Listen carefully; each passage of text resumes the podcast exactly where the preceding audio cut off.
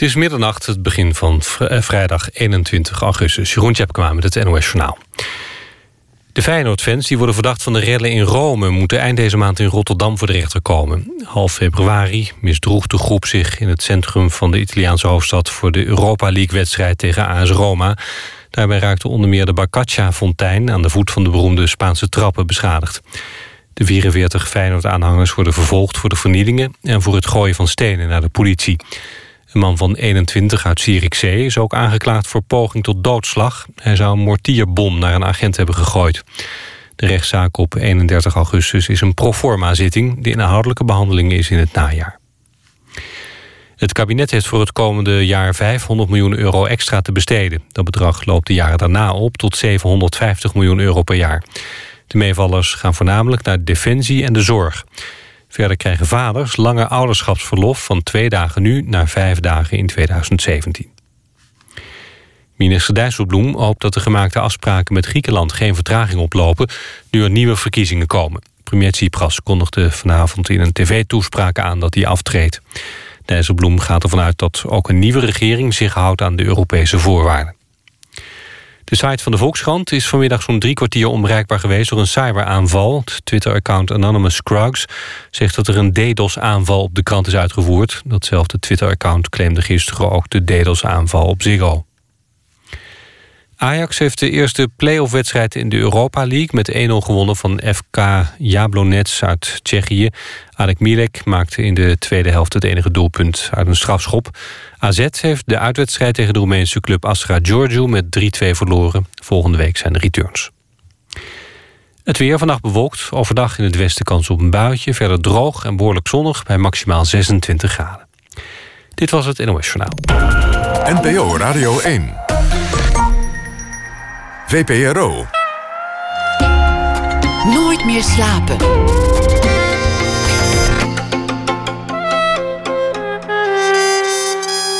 Met Pieter van der Wielen. Goedenacht en welkom bij Nooit meer slapen. Een opera over een gevallen politicus, Jos van Rij. Alle ingrediënten zijn er: bedrog, heldhaftigheid, lafheid en schandaal. Na ene een gesprek met de maker. Dan ook een biografie van een boot, een vrouw van staal. Een boek van Corine Nijenhuis. Een gesprek met haar ook na ene. We beginnen met Arjen van Velen. Een jaar na de dood van Michael Brown door politiekogels in Ferguson, een voorstad van St. Louis, Missouri, is het er weer onrustig. Drie weken voordat die hel losbarstte, een jaar geleden, verhuisde Arjen van Velen naar St. Louis.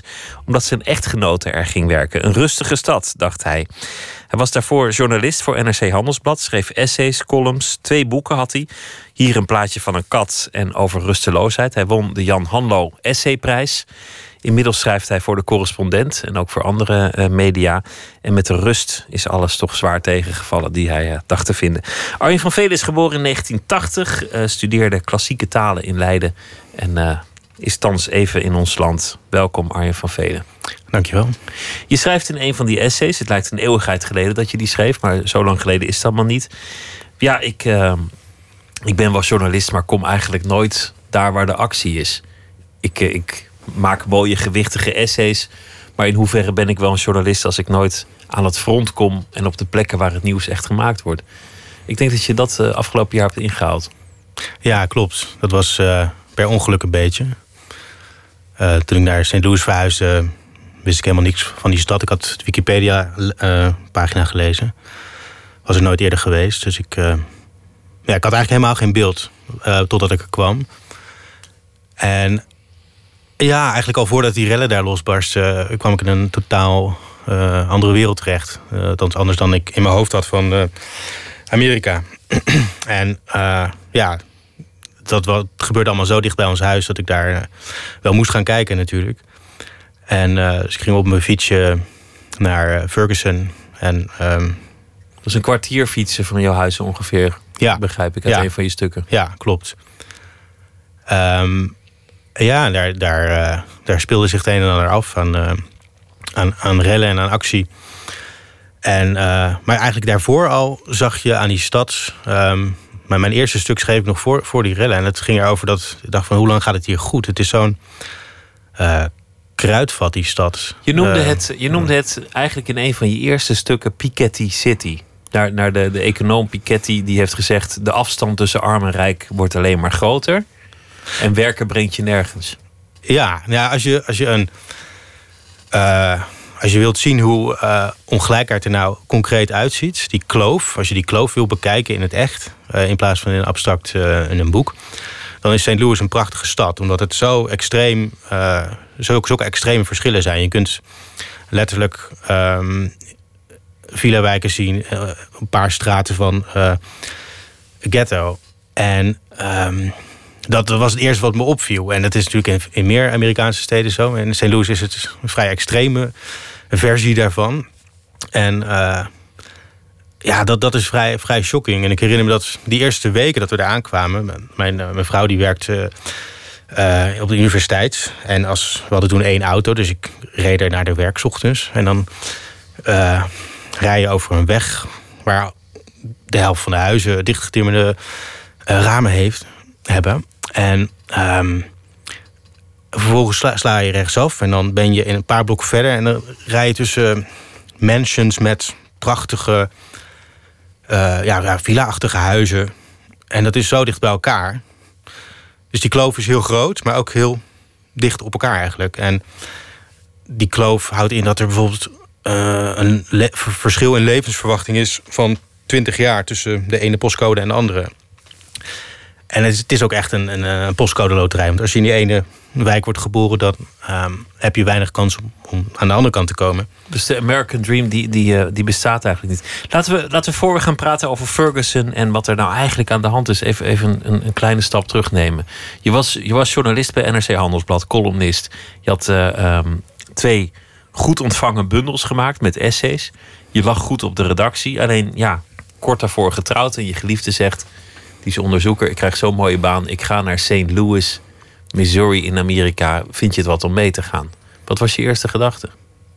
Ja, dat idee hadden we al heel lang. En ik, ik wilde graag naar het buitenland. En het kwam eigenlijk op een uh, onhandig moment. Omdat ik, ik had inderdaad net een, uh, een, mooie, mooie columnplek in NRC Handelsblad. Um, en in die zin, ja, dat, dat moest, moest ik dan opgeven natuurlijk. Um, Alleen ja, het, is, het idee van het avontuur was, was, uh, was, uh, over, dat was doorslaggevend. En ook het idee dat ik een, uh, een roman wilde schrijven. En ik dacht, dat, dat laat ik dat gaan doen in St. Louis. Waar het rustig is, waar nooit wat gebeurt. Ik zei tegen al mijn vrienden, het is, het is geen New York en er, er gebeurt niet zoveel. En ik, ik zal me vervelen, maar dat is juist goed. Want dan kan ik me aan mijn roman wijden. Um, en ik vond het ook wel lekker om uh, dat idee van ik, ik laat de boel even de boel in Nederland. En ik zet journalistiek en al die korte stukjes tikken, al dat oppervlakkige gedoe, dat zet ik op een laag pitje. En nu ga ik de, ja, aan, een roman werken. Oppervlakkig gedoe noem je het. Dat, dat, ja, ben ik het eigenlijk niet mee eens. Want ik heb je essaybundel vandaag gelezen. En het, het gaat over de tijdgeest. Het zijn misschien kleine alledaagse onderwerpen die je aansneed. Ik spreek in verleden tijd. Maar eigenlijk zit er steeds iets heel fundamenteels achter. En het zijn eigenlijk de essays van een romanticus die, die, die de fake van de tijd als een last ervaart. Zo, Ja. zo, zo lees ik die, die essays nu. Ja, ja klopt. Dat is mooi, mooi, mooi gezegd, ja. Bijvoorbeeld Ja. over, nou ja, we hoeven niet helemaal in te gaan op die essays, maar bijvoorbeeld over een, eh, een keten in de stations die echt romantisch Italiaans eten pretendeert te geven, terwijl het in drie minuten klaar is. Ja, Daar, daar zit een essay achter over hoe de marketing ons leven in is gekropen en wij ervoor kiezen te aanvaarden. Hoe komt zo'n romanticus die, die dat eigenlijk als een van zijn belangrijke thema's heeft aan in een stad als St. Louis? Eh, Wat viel je als eerste op? nou ja, het is, het is, een, het is bepaald geen eh, romantische stad. Het is een heel, heel grimmige stad voor een deel. Maar ook een mooie stad. Het is ook een oude... Het is ook de geboortestad van Miles Davis, om maar eens wat te noemen. En Ja, van van ja. eh, nog heel veel andere beroemde figuren. Maya Angelou en T.S. Eliot zijn er geboren. En het is een hele oude stad voor Amerikaanse begrippen. 250 jaar oud. Je ziet prachtige oude, oude gebouwen. We hebben heel veel baksteen. Ehm, Mississippi. Eh, er, is, er, is, er is ook genoeg romantiek daar, hoor. De, ik, vind- ik vind die architectuur, dat vind ik echt, echt, echt om te huilen zo mooi soms. Het is zo... zo, zo ehm, vrienden hadden me gewaarschuwd van in Amerika is geen, geen cultuur, in Amerika is geen geschiedenis, maar dat is in St. Louis is dat, er wel, is dat er wel. En er is genoeg om bij weg te dromen. Maar heel de tijd die schaduw van die andere helft van de stad, waar, ehm, Die niet deelt in de romantiek. Nou ja, het, het grappige is, er, er zijn heel veel. ehm, eigenlijk is het verhaal in het kort is. Je had een, eh, een, een oude eh, stad die op een gegeven moment bijna zo groot was als eh, die de derde stad van, van Amerika was, eh, 100 jaar geleden. Ze waren een beetje in een competitie met Chicago en nou, die hebben ze verloren. En op een gegeven moment is het vanaf ja, de Tweede Wereldoorlog alleen maar slechter geworden. De bevolking loopt sindsdien terug, al, al 60 jaar. En die gebouwen staan er nog, die, van die eens zo welvarende stad. En die zijn inmiddels vervallen vaak. Eh, dus wat je ziet is een soort ghetto's waar eh, de armen wonen, maar wel in voormalig, eh voormalige eh, prachtige mansions. En er zijn heel veel mensen die houden van het, die romantiek van ingestorte kerken of ingestorte huizen. Mm. En dat is een beetje een perverse romantiek, want het is natuurlijk ja, het ziet er prachtig uit. Van die, van die, je kent het wel van die foto's van, van vervallen en overwoekerde gebouwen. Ehm, met spinnenwebben en, eh, en, en oude interieurs die er nog staan. Eh, maar maar die, er wonen nog steeds mensen in die wijken. En dat, dat is eh, dus romantiek die, die, ja, die heel grimmig is. Bewoonde spooksteden zijn het. Mhm, ja. Wat voor buurt woon je zelf? Want, want in Amerika is dat een, een enorme issue. Ik heb daar ooit voor de VPRO reportages over mogen maken. En, en makelaars mogen officieel niks zeggen over de buurt, maar hebben duizenden manieren om het stiekem toch te doen. Er zijn apps waar je kan zien precies hoeveel misdaden en welke er in jouw straat gepleegd zijn. Hoe, zou je die buurt typeren waar je terecht kwam? Nou, wij hadden gewoon via de lokale marktplaats eh, iets gevonden. En eigenlijk heel naïef, eh, gewoon een, een, een, vrijstaand huis. Dachten, wauw, dit is veel, eh, veel waar voor ons geld. Voor twee keer zo weinig geld als appartementje in Amsterdam waar we woonden. En het was vijf keer zo groot qua oppervlakte met een duin en alles. Maar dat was in een buurt die heel, of nou, niet heel, maar die slecht aangeschreven stond. In het noorden van de stad. Dus toen we daar woonden vroegen heel veel mensen ons van waarom ben je daar gaan wonen? En ehm, pas je wel op als je linksaf slaat, slaat op deze straat. En eh, moet je niet uitkijken. En het viel allemaal reuze mee. Eh, maar we zijn wel verhuisd. En dat had meer te maken met. eh, ja, er, was er, gewoon helemaal, er waren helemaal geen voorzieningen in de buurt. Er was een, zat een, eh, een drankzaakje op de hoek en een, een dollarstore, zo'n goedkoop supermarktje.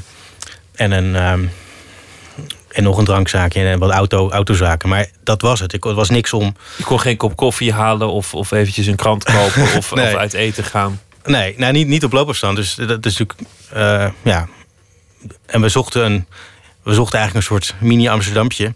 Een wijk waar, waar je wel kon rondlopen. En toen zijn we naar de City verhuisd. eh, St. Louis City. En eh, dat is een wijk, ja, het is ongeveer 50-50 eh, eh, zwart en, en wit. En het is in het oude gedeelte, huis uit eind 19e eeuw. En eh, daar zit je een beetje op de grens tussen eh, goed en slecht. En eh, daar kun je wel gewoon lekker naar restaurantjes. En daar kun je wel je. Een beetje een Ja. hipsterbuurt, zoals je die daar ook hebt. Ja, je komt er af en toe een eh, racefietsje tegen. Maar het is, eh, het is ja, niet, niet, niet heel erg anders dan de baarsjes waar ik eh, hiervoor woonde. Eh, behalve dat je af en toe schoten hoort. En dan, eh, ja, dat is, een dat is een beetje de. Ja, en er is wat meer, meer, meer eh, criminaliteit, denk ik. Maar eh, het Af en toe schoten. Maar van die rellen merkte jij vanuit je huis op zich niet heel veel. Begrijp ik hieruit. Ondanks dat het maar een kwartier fietsen is. Nee, klopt. Ja, dat, dat is, die rellen vonden dus eigenlijk plaats op één, eh, één straat voornamelijk. Eh althans, waar, waar alle beelden die in Nederland zijn, eh, zijn, ook op het journaal zijn geweest... dat was die, die ene straat, een mini, met een klein winkelcentrumtje. Niet ver van de plek waar eh, Mike Brown was eh, doodgeschoten. En ehm, dat was heel compact. Maar er zijn ook wel op andere... Ook in onze wijk zijn later eh, rellen geweest. En ik heb ook wel... Waar, de plek waar we nu wonen... ehm, ik heb ook wel panzerwagens door, door mijn wijk zien rijden toen. En er, wa- waren ook, er hing ook de traangas in, eh, in de lucht. Eh, er zijn winkels geplunderd. En, eh, dus het, het is er ook wel daar in andere delen van de stad onrustig geweest. Laten we eh, teruggaan naar wat er een jaar geleden gebeurde. Eh, Michael Brown werd eh, gesnapt bij het jatten van sigarettenpakjes naar verluid. Of hij werd gezien op de camera. Politie werd gebeld. De agent komt aanrijden. Ziet twee jongens rennen. Denkt, verdorie, dat zijn ze. Roept versterking. Probeert de jongens aan te houden. En vanaf dat moment wordt alles eigenlijk onduidelijk. Maar wat in ieder geval wel vaststaat... is dat Michael Brown aan het eind van het verhaal... dood is getroffen door twaalf politiekogels op zijn minst. Sommigen zeggen alweer veertien. Daar begint eh, de, vaagheid al, maar Mhm. de, de lijkschouwer vond er twaalf. We gaan luisteren naar een ooggetuigenverslag. Een van de hele vele. And at no time the officer said that uh, he was going to do anything until he pulled out his weapon. His weapon was drawn, and he said, "I'll shoot you," or "I'm going to shoot." And in the same moment, the first shot went off, and we looked at him. He, he was shot, and it was blood coming from him. And we took off running. And as we took off running, I ducked and hid for my life because I was feared for my life. And I hid by the first car that I saw. My friend, he kept running, and he told me to keep running because he feared for me too. So as he was running, the officer uh, was trying to get out of the car, and once he got out the car, he uh, he pursued my friend, but his his weapon was drawn. Now he didn't see any weapon drawn at him or anything like that. Us going for no weapon. His weapon was already drawn when he got out the car.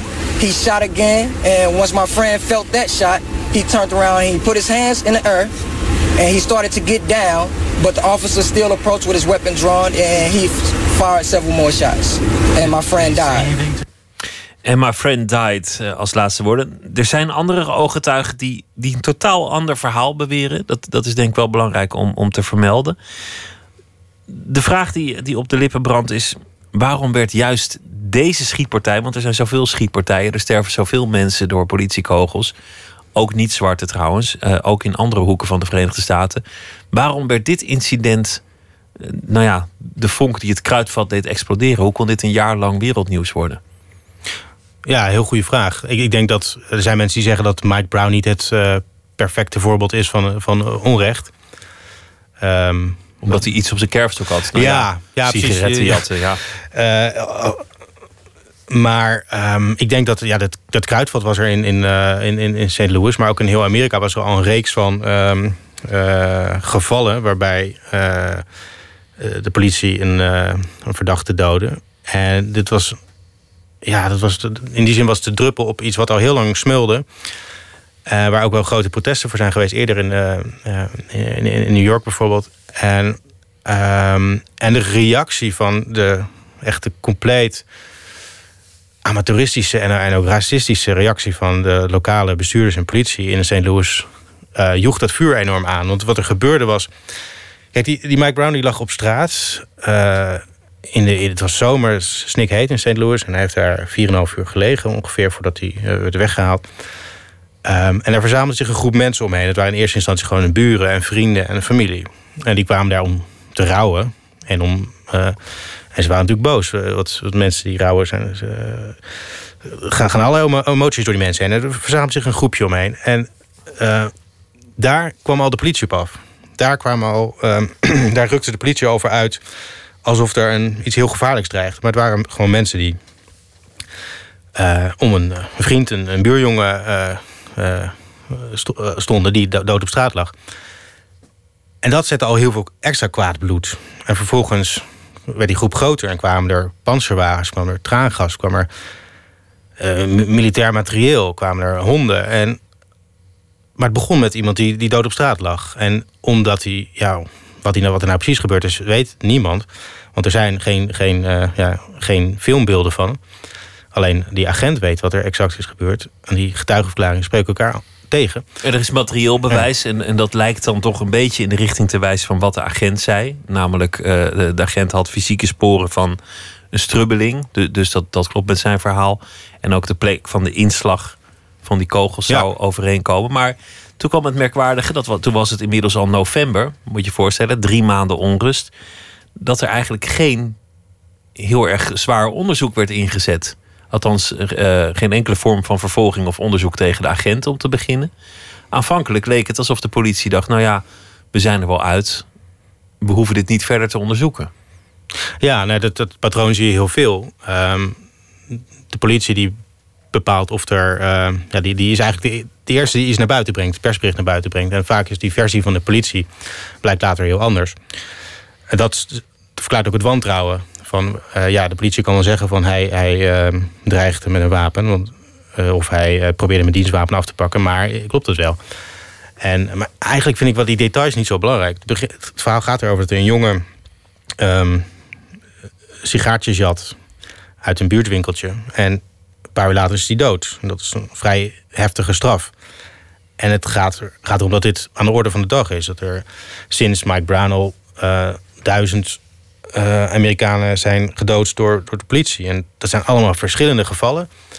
En niet allemaal zwarte, want, want uh, de, de, de, de, beweging die ontstond, ook door heel veel beroemde artiesten gesteund, had onder meer als slogan Black Lives Matter.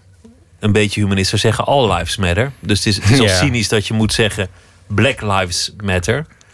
Is het, is het een racistisch probleem in essentie? Of is het gewoon een probleem van uh, slecht getrainde en gefrustreerde politie?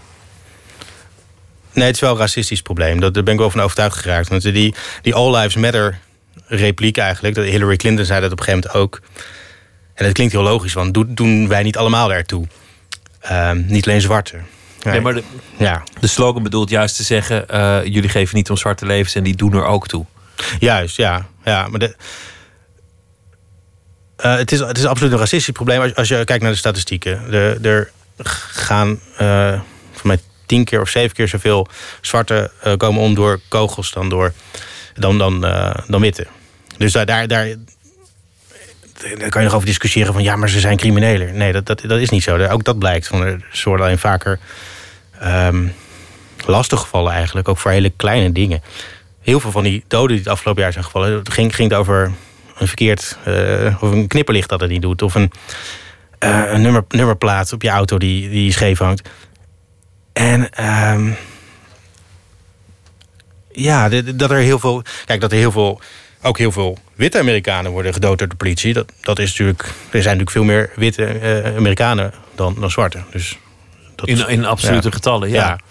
Maar even terug naar toen je nog essayist was en, en, en column schreef in Nederland. Toen, toen was hier.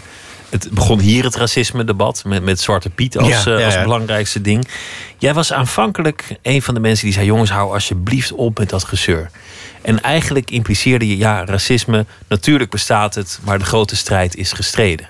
Ja, absoluut. Dat was eigenlijk toen jouw mening. Dus, dus het lijkt wel alsof er bij jou iets is veranderd in de laatste periode. Ja, eh, zowel in Nederland als in Amerika. In Amerika. Want ik dacht over Amerika van we hebben de slavernij is afgeschaft, de Jim Crow, uh, Crow-wetten zijn afgeschaft. Uh, we hebben een burgerrechtenbeweging gehad, we hebben Martin Luther King gehad. Nou, we hebben, we hebben een, Obama.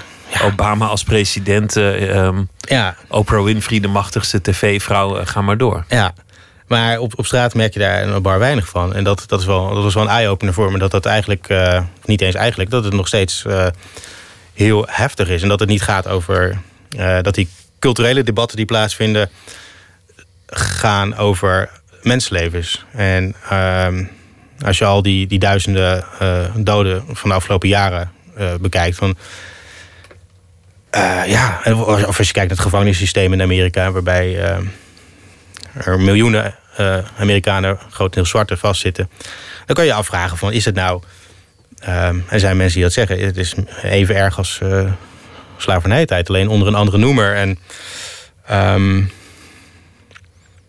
dus dat, dat was wel een eye-opener voor me. En in Nederland ook trouwens. Dat is die Zwarte Piet discussie die ik eerst inderdaad afdeed als uh, gezeik. Want, um, en zijn er dan geen belangrijke onderwerpen om over te praten. Maar daar ben ik ook totaal van mening van veranderd. Omdat het, gaat natuurlijk niet alleen om die Zwarte Piet, maar om een hele samen, samenleving die uh, in Nederland. Uh, ja, waar er geen plek is voor stemmen van, van mensen die niet wit zijn. Nou ja, het, het, het debat, wat, wat aanvankelijk inderdaad toch een beetje gezeik was, heeft wel zo'n enorme gierput opengetrokken met, met reacties van mensen. Nu gaan ze ons dit ook afnemen terwijl het ons land is. Toen dacht ik ineens, eh, verdorie, volgens mij hebben ze wel een punt. Volgens mij hebben we wel een probleem. Door de, de heftigheid van de reacties die er kwamen. Ja, dat toonde toch wel aan dat, dat, er, dat er flink wat racisme uh, is. ja, nee, ik, ik, kwam net, uh, in, of net een paar dagen geleden in Nederland aan... en ik las het AD op het vliegveld. En daar was de hele brievenpagina ging over Zwarte Piet midden in de zomer. En alle brieven hadden als strekking zeik niet zo. En blijf met je poten van Zwarte Piet af en zeik niet zo. En zeker niet in de zomer. En de woede die er uitspreekt, die is inderdaad tekenen. Veel, veel uh, ja, dat is, dat is illustratief voor, uh, voor, voor, het issue. Die, die woede die begrijp ik ook, want ik wil even terug naar Amerika, want daar speelt op een hele gekke manier hetzelfde.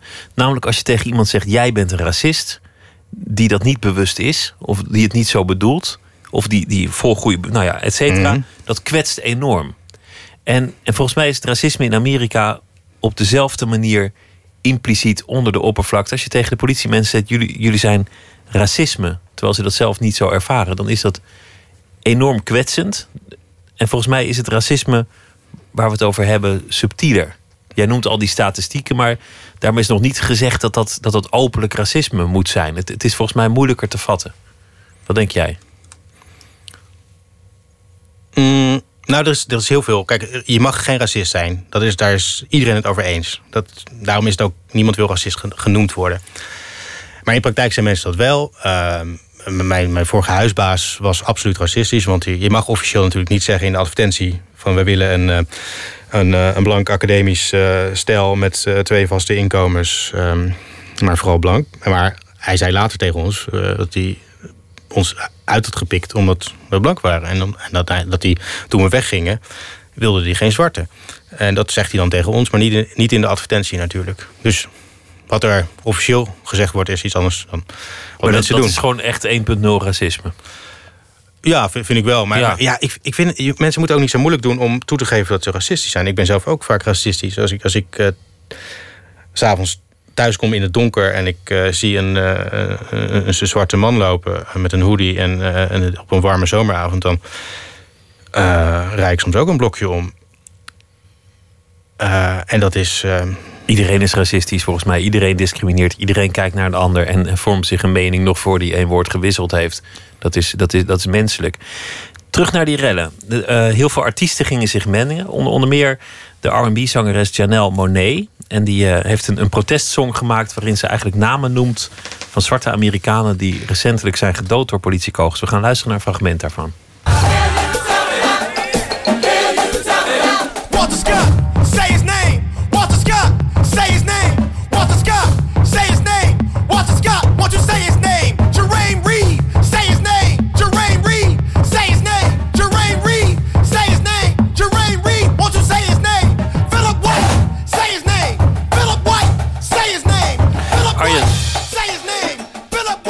Zou jij zeggen dat het een beweging is geworden? De, de Black Lives Matter eh, beweging.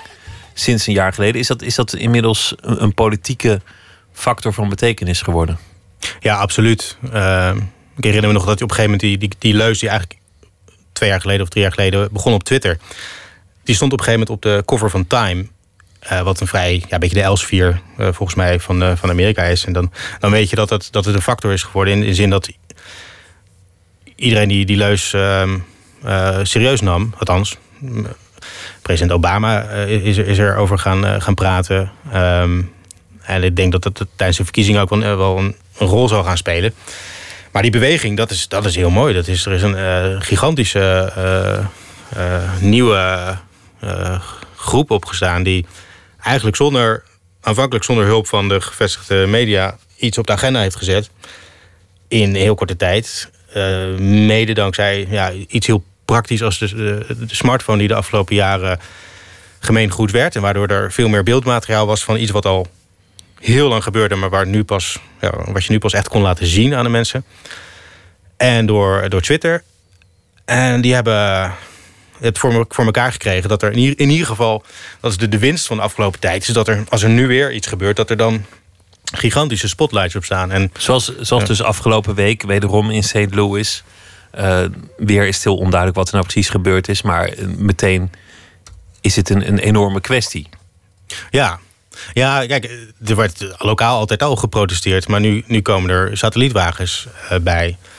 En dat is dankzij eh, die, die Black, Black Lives Matter beweging. Dankzij eh, mensen die eigenlijk gewoon op Twitter zijn begonnen om daar aandacht voor. Je hoorde net in dat, in dat, in dat lied. eh, gewoon het, het, noemen van de namen van de, van de, van de doden. Dat is, eh, al die hashtags die zijn voorbijgekomen van, eh, van eh, slachtoffers. Die, eh, in ieder geval hebben ze nu een naam. En ik weet niet of er heel veel veranderd is al. Want, nou ja, zoals je zei, eh gisteren was weer een geval. En afgelopen jaar in St. Louis zijn er een stuk of eh, zes of zeven gevallen geweest. Ze krijgen niet allemaal aandacht, maar er is in ieder geval. eh, er wordt over gepraat. En dat is, ja, Dat is iets. Een van de artiesten die zich ook mengde was uh, Lauren Hill. Die had een, een, nummer al een paar jaar daarvoor opgenomen, maar nooit uitgebracht. En zodra de rellen losbarst in Ferguson, besloot ze alsnog dat uh, nummer online te zetten. En uh, dat nummer heet Black Rage. Hier is Lauren Hill. Black Rage is founded on two-thirds a person. Rapings and beatings and suffering that worsens. Black human packages tied up in strings. Black rage can come from all these kinds of things. Black rage is founded on blatant denial, squeeze economics, subsistence survival, deafening silence, and social control. Black rage is founded on wounds in the soul. When the dogs bite, when the beatings, when I'm feeling sad, I simply remember all these kinds of things, and then I don't feel so bad.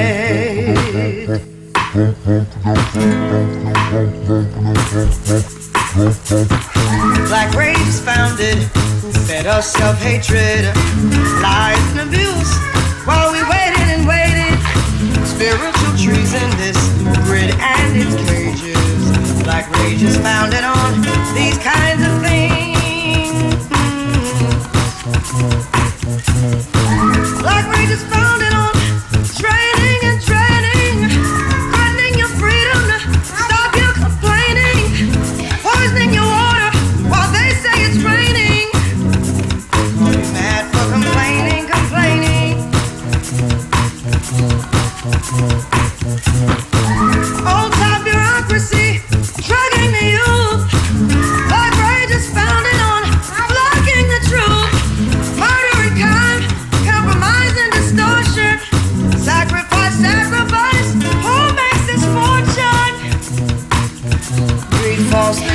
progress, such human contortion.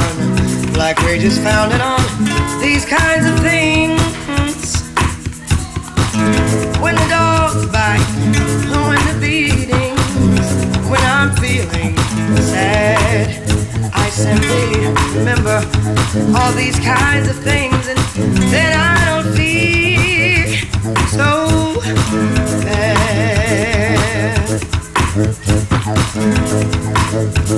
Mm-hmm.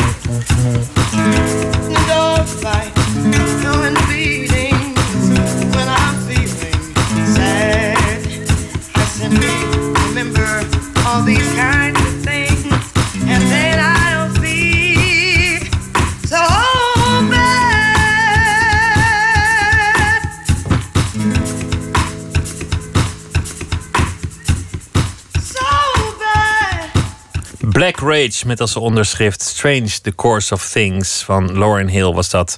Haar reactie op de rellen in eh, Ferguson. Arjen van Velen is de gast in Nooit meer slapen. We begonnen over eh, je leven voor je naar Amerika ging. Zo lang geleden is het niet. Een man die essays schreef over de tijdgeest. Een romanticus op zoek naar het ware achter de façade van alles wat retro is en wat marketing is.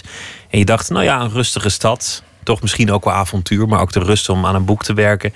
Ergens was er die frustratie. Ik noem me wel journalist, maar ben ik het ook wel daadwerkelijk? En ineens drie weken later barstte de, de bom daar in St. Louis. Je had eigenlijk in je eerste stuk al meteen door. Er zit hier iets niet lekker. Er is een probleem in die stad waar ik ben komen wonen. We hebben het gehad over racisme. Aanvankelijk eh, geloofde je eigenlijk niet zo dat het nog eh, daar was.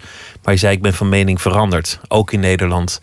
We lieten ons bijna verleiden om over Zwarte Piet te gaan praten. Wat altijd eh, een gevaar is, zeker in augustus. Want eh, mensen worden woest, dus we gaan dat gewoon lekker niet doen. De pasa's mogen ze trouwens afschaffen. De kerstman, daar mogen ze ook mee weg. Maar we gaan het er niet over hebben. Ik wil met jou hebben over de American Dream. Want, want dat is iets waar je geleidelijk aan op uit bent gekomen. Is die American Dream nog wel in leven? Dat iedereen alles kan worden wat hij is. En jij zei eigenlijk, is het bijna een postcode loterij. Als je daar bent geboren, is de kans dat je er wegkomt heel erg klein. Dat duidt erop dat de Amerikaanse droom niet meer bestaat. Hoe zie je dat? Nou, die, nee, die, die, voor zover die uh, vroeger bestond, uh, denk, denk, ik dan. Maar wat ik in St. Louis zie, is dat die er uh, niet is. Dat je, um, als je voor een, als je als een dubbeltje wordt geboren, word je geen kwartje. En heel, heel enkeling slaagt er wel in. Um, Waar de rest zich aan optrekt. Ja, um, maar die, die uitzondering is een, is een uitzondering die, die de regel bevestigt. En het, is, het is heel. Het, en, en het wordt moeilijker. Het is niet dat er een soort als je kijkt naar hoe moeilijk het is om op een universiteit te komen. En wat het kost. En er zijn zoveel drempels opgeworpen. Uh, eh, 60.000 dollar voor een, voor een jaar studeren. Um, dat is niet, niet eenvoudig. En ja, je, ziet het ook gewoon aan de statistieken. Als je de Washington University St. Louis, als je rondloopt, dan zie je niet een weerspiegeling van de, van de stad. Dan zie je een bijna volledig wit universiteit met, met veel rijke luiskinderen. En ja, een paar kilometer verderop wonen ook jonge mensen met, met hersens. Alleen die enkeling lukt het om in die collegezaal terecht te komen. Maar de meeste niet. Je schreef afgelopen jaar een flink aantal reportages voor de correspondent. Um, dan schets je buurten waar, waar eigenlijk de belangrijkste werkgever de McDonald's is. En de McDonald's die betaalt 8 dollar per uur, geloof ik. Nou ja, 8 hmm. dollar keer 8, als je 8 uur werkt op een dag, is 64 dollar. Daar ga je het niet mee redden. Ik bedoel, je, je kunt misschien rondkomen in een, in een heel klein huurappartement in een, in een slechte buurt. Maar de universiteit ga je niet betalen, om maar te beginnen.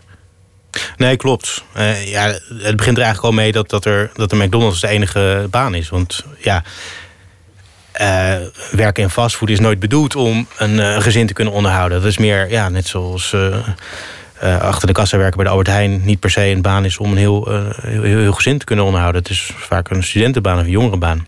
Maar als dat de enige banen zijn en als ze... 7 of 8 dollar per uur betalen, ja, dan, dan heb je wel een probleem. En um, nou ja, dat, is een van die, een van die, een van die drempels. En uh, grote delen van de stad hebben heel veel mensen geen beschikking tot een auto. Een heel praktisch ding. Uh, zonder auto in Amerika kun je bijna nergens komen. Kun je geen werk vinden, kun je geen auto kopen. Nou ja, zo zijn er allemaal. Uh... En als je een auto hebt, weer een reportage die je hebt geschreven. Er zijn dorpen waar de belangrijkste publieke bron van inkomsten verkeersboetes zijn. Die, die zijn onnoemelijk hoog en onnoemelijk slinks worden ze geïnd goed verstopte flitspalen op plekken waar je niet wist dat je er niet zo hard mocht rijden. Boetes van 400 dollar. Nou, als je 8 dollar per uur bij McDonald's verdient en je krijgt een bekeuring van 400 dollar en die verdubbelt als je hem na twee maanden niet betaald hebt, dan kan je voorstellen dat je ontzettend diep in de problemen kunt komen. Ja, nee, dat, zag je ook. Uh, op die wijk waar we eerst wonen had je was 50% van de inkomsten van, eh, van dat. Dus het was een stadje eigenlijk, was geen wijk, maar een mini-stadje van 300 eh, inwoners. Met een eigen politieagent, met een eigen rechter, met een eigen ja, burgemeester. En dat, dat werd helemaal gefinancierd door uh, grotendeels door parkeerboetes. Er stond één wijkagent bij ons om de hoek. En wij wisten dan van je moet even opletten hier. Want die, uh, ja, als, bewoners vertel je dat elkaar. Want die, die, de agent staat er. Maar het passerende verkeer, dat wist dat natuurlijk niet. Dus dat was gewoon echt een, een pinautomaat. En um, dat is iets heftiger dan, dan in Nederland. Omdat als je een boete krijgt, moet je, uh, moet je even voor de rechter verschijnen. Dan in dat, dat kleine gerechtsgebouwtje wat zo groot is als een, een bouwkeet. Uh, en als je niet kan betalen meteen, of als, je, of niet komt verschijnen, dan wordt het dan weer verdubbeld en dan wordt het weer verdriedubbeld. En voor je het weet, word je uh, letterlijk gearresteerd voor een um, snelheidsovertreding van 10 mijl per uur. En als je gearresteerd bent, heb je, eh, of als je in de cel zit, al is het maar tien dagen en je hebt een strafblad, dan is het weer lastiger om werk te vinden. En zo is er een opeenstapeling van.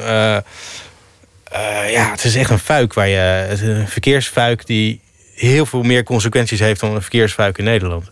Kortom, je leven kan vernield raken, om, om het maar dramatisch te zeggen, door, door een keer verkeerd te parkeren. Als je het niet zo breed hebt. Ja, Ja, absoluut. Dat, is, eh, dat gebeurt ook heel veel. En ehm, daar, daar wordt trouwens wel ehm, al die kleine gerechts... eh, of de kleine rechtbankjes en al die kleine...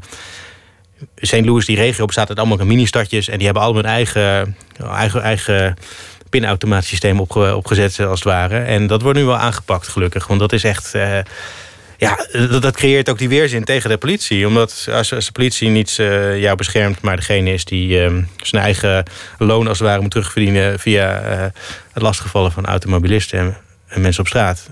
ja, dan, dan heb je het hele fundament onder het idee van... eh, to serve and protect is weg. En eh, dat is ook... Ik dacht eerst van het hele debat over parkeerboetes in, in, eh, in St. Louis... waar hebben ze het over? Het gaat over mensen die dood zijn. Maar dit het begint met dat soort lullige dingen. Het begint, het begint echt met defecte achterlichten. En, en, en dat... Dat escaleert omdat mensen als ze dood zijn... dat ze die boete krijgen en, en de, de, de boete op het niet betalen, et cetera. Hoe ziet jouw leven er inmiddels uit? Want, want je doet eigenlijk voor een deel nog wat je deed. Eh, proberen de tijdgeest beter te pakken... middels kleine gebeurtenissen en als observator. Je noemt jezelf nadrukkelijk geen Amerika-deskundige. Je reist rond, je praat met mensen als buitenstaander. En eigenlijk, ja, je, je werkt aan een roman... maar je moet er ook af en toe uit. Heb ik ook wel het idee dat het voor jou ook wel, wel leuk is... om af en toe ergens naartoe te gaan en iemand, iemand aan te spreken. Wat is jouw werkwijze? Nou, ik stap op de fiets eh, s ochtends en dan ga ik naar mijn eh, werkplek in, eh, in de stad. En dan eh, schrijf ik aan mijn boek. Dat doe ik inderdaad ook. Dat is eh, heel. Ik zit achter een computer en ik schrijf. Dat is vrij saai. En dan eh, mag ik van mezelf in de lunchpauze eventjes op de fiets door de, door de stad gaan rijden naar de interessante wijken. En dan ja, kijk ik of, ja, daar loop ik dan rond of daar fiets ik rond. En, ehm, en af en toe ga ik voor de correspondent, stap ik in de auto voor, voor roadtripjes door, door Missouri en, en omgeving. En, eh, En je praat Ja. met mensen van, van allerlei eh, afkomsten en, en je bent op zoek naar, naar het verhaal. Je zei net, het is wel een beetje beweging geworden. Dat, dat zal bij de komende verkiezingen misschien ook wel een rol gaan spelen. Hillary Clinton wordt waarschijnlijk een van de kandidaten. Iemand die zich altijd enorm heeft ingezet voor, voor burgerrechten, maar die gek genoeg nu gewantrouwd wordt vanuit deze, deze nieuwe beweging. Maar als ik je zo hoor, denk ik ook, hoe kun je dit ooit omzetten in een agenda? Want het gaat over achterstandsproblematiek. Het gaat over buurten waar je, waar je eigenlijk niet, niet verder zult komen dan, dan McDonald's. Ja, je kunt zeggen, ze moeten meer verdienen bij McDonald's of er moeten banen komen. Maar dan heb je alweer zo'n grote agenda dat het weer heel moeilijk wordt om dat tot verkiezingsthema te maken. Hoe zie je dat voor je? ja. ja, maar het gaat over de American Dream. En eigenlijk zeggen boze zwarte Amerikanen van die, die droom is niet voor ons. En ze eisen op eigenlijk het, eh, de belofte die, ze, die, die aan alle Amerikanen is gedaan... van als je, als je, maar, eh, als je maar hard werkt en goed gedraagt, dan, dan kan je veel bereiken. En ehm, iedereen is gelijk. Maar die, die belofte die, die is nooit ingelost voor hele grote groepen. Dus eh, daar gaat het over. Ehm, en het, gaat over identiteit. Ik bedoel, ehm, maar ja, hoe, ik bedoel je hoe je dat concreet eh, tot een, tot een Nou ja, eh, actiepunt maakt? Er is Eh, zo'n beweging die zegt eh, verdubbel de lonen bij McDonald's bijvoorbeeld. Dat is heel concreet en, en heel onhaalbaar, als je het mij vraagt. Ja, deels. Nou, in heel veel steden is het inmiddels verdubbeld. Is het, althans is het 15 dollar geworden. En in St. Louis zie ik dat niet snel gebeuren, omdat, ja, omdat het prijsniveau daar anders is. Maar laat, maak er 10, 10 dollar van en geef een fatsoenlijke secundaire arbeidsvoorwaarden. En, en er is al heel veel gewonnen. En eh, is, ja, ik denk ook dat dat voor de hele stad goed is. Want ja, als, je, als de hele stad meer te besteden heeft, dan gaat het ook economisch eh, beter. Dat is, het is niet per se dat dat goed is voor. En dat is ook voor de werkgevers beter. Er zijn heel veel ketens in St. Louis die dat gewoon zelf al doen. Omdat ze denken, ja, als, als, als ik mijn personeel goed betaal, dan zijn ze, zijn ze blij en eh, uitgeslapen en gezond. En dan, eh, dat is goed voor de, voor de omzet. Ehm, dat, ja, dat, dat makes sense. eh. Eén cynisch commentaar zei: Je baas wil dat je altijd glimlacht naar de klanten. Dan moet je ook wel zorgen dat hij naar de tandarts is geweest. ja, Om, ja, om, ja. eh, ik vond wel een, Ja, een, een, mooie dat opmerking. kan, ja. Het, Ja. De andere kant van Amerika is er ook nog gelukkig. En dat is namelijk dat, het- dat het allemaal wel een land is vol energie en optimisme. Dat, dat, dat heel veel dingen wel haalbaar zijn. Eh, je vrouw werkt aan de carrière als, als bioloog. In de wetenschap is het nog altijd veel dynamischer dan, dan in Europa. Voor wie ambi- ambitie heeft. Dat, dat is volgens mij wel eh, een alom aanvaard, toch gevoelig feit. Dat, dat Ja. Amerika toch ook het land is van, van onbegrensde mogelijkheden. En de, de beste universiteiten, ja, zeker. Ja. Nou ja, kijk, dat is natuurlijk ook zo. En de- je hebt het Amerika van, eh, van Silicon Valley en het Amerika en New York is, is, de, is de mooiste stad op aarde. Ehm, maar ja, dat, dat is niet het Amerika dat ik zie. En dat is het Amerika dat voor hele grote delen eh, buiten die, die bekende plekken eh, geldt. En dat is, ja, dan, dan, krijgt dat optimisme, wat mij betreft, iets, iets cynisch. Van, eh, maak er wat van. En, en, en, niet zeuren, maar ervoor gaan. En Als je maar wil. als je maar wil. Dat is, een- dat is een leugen. Het is niet als je maar wil. Het is, eh, zelfs als je wil, zelfs als je alles goed doet... en zelfs als je je opleiding afmaakt... krijg je nog niet wat je beloofd is. En ja, ik, ik, vind, dat, ik vind dat optimisme vrij, eh, vrij storend af en toe. Denk ik. Ja, dat is, dat, is, dat is een beetje een... een eh, ja, een beetje loos. Denk ik van, Dus Ja. ja. In je eerste bundel, die, die alweer een paar jaar geleden verscheen, omschreef je jezelf eigenlijk een beetje als een klassicus. Je hebt ook eh, klassieke talen gestudeerd. En iemand die half leeft in, in, in de Griekse oudheid, die, die altijd denkt aan filosofen en hun wijsheden, maar die intussen een beetje in, in de moderne wereld is neergedaald. Mm, en, en ja. weliswaar gewoon meekomt, maar ergens één spoor in je hoofd denkt altijd aan die oudheid. Een, een beetje een ontecht, onthecht wereldbeeld. Mhm. In je tweede bundel zei je eigenlijk van ja, ik, ik ben wel journalist, maar ik, ik voel me toch ook niet echt een, een, een journalist. Hoe sta je daar nu tegenover? Gaat het toch meer de kant op van het schrijverschap? Of, eh, of voel je je inmiddels wel een beetje een, een journalist? Nee, ik vervreemd wel, ik vervreem wel van de journalistiek. Dat doe ik ook bewust. Ik, ja, ik, ik probeer. eh,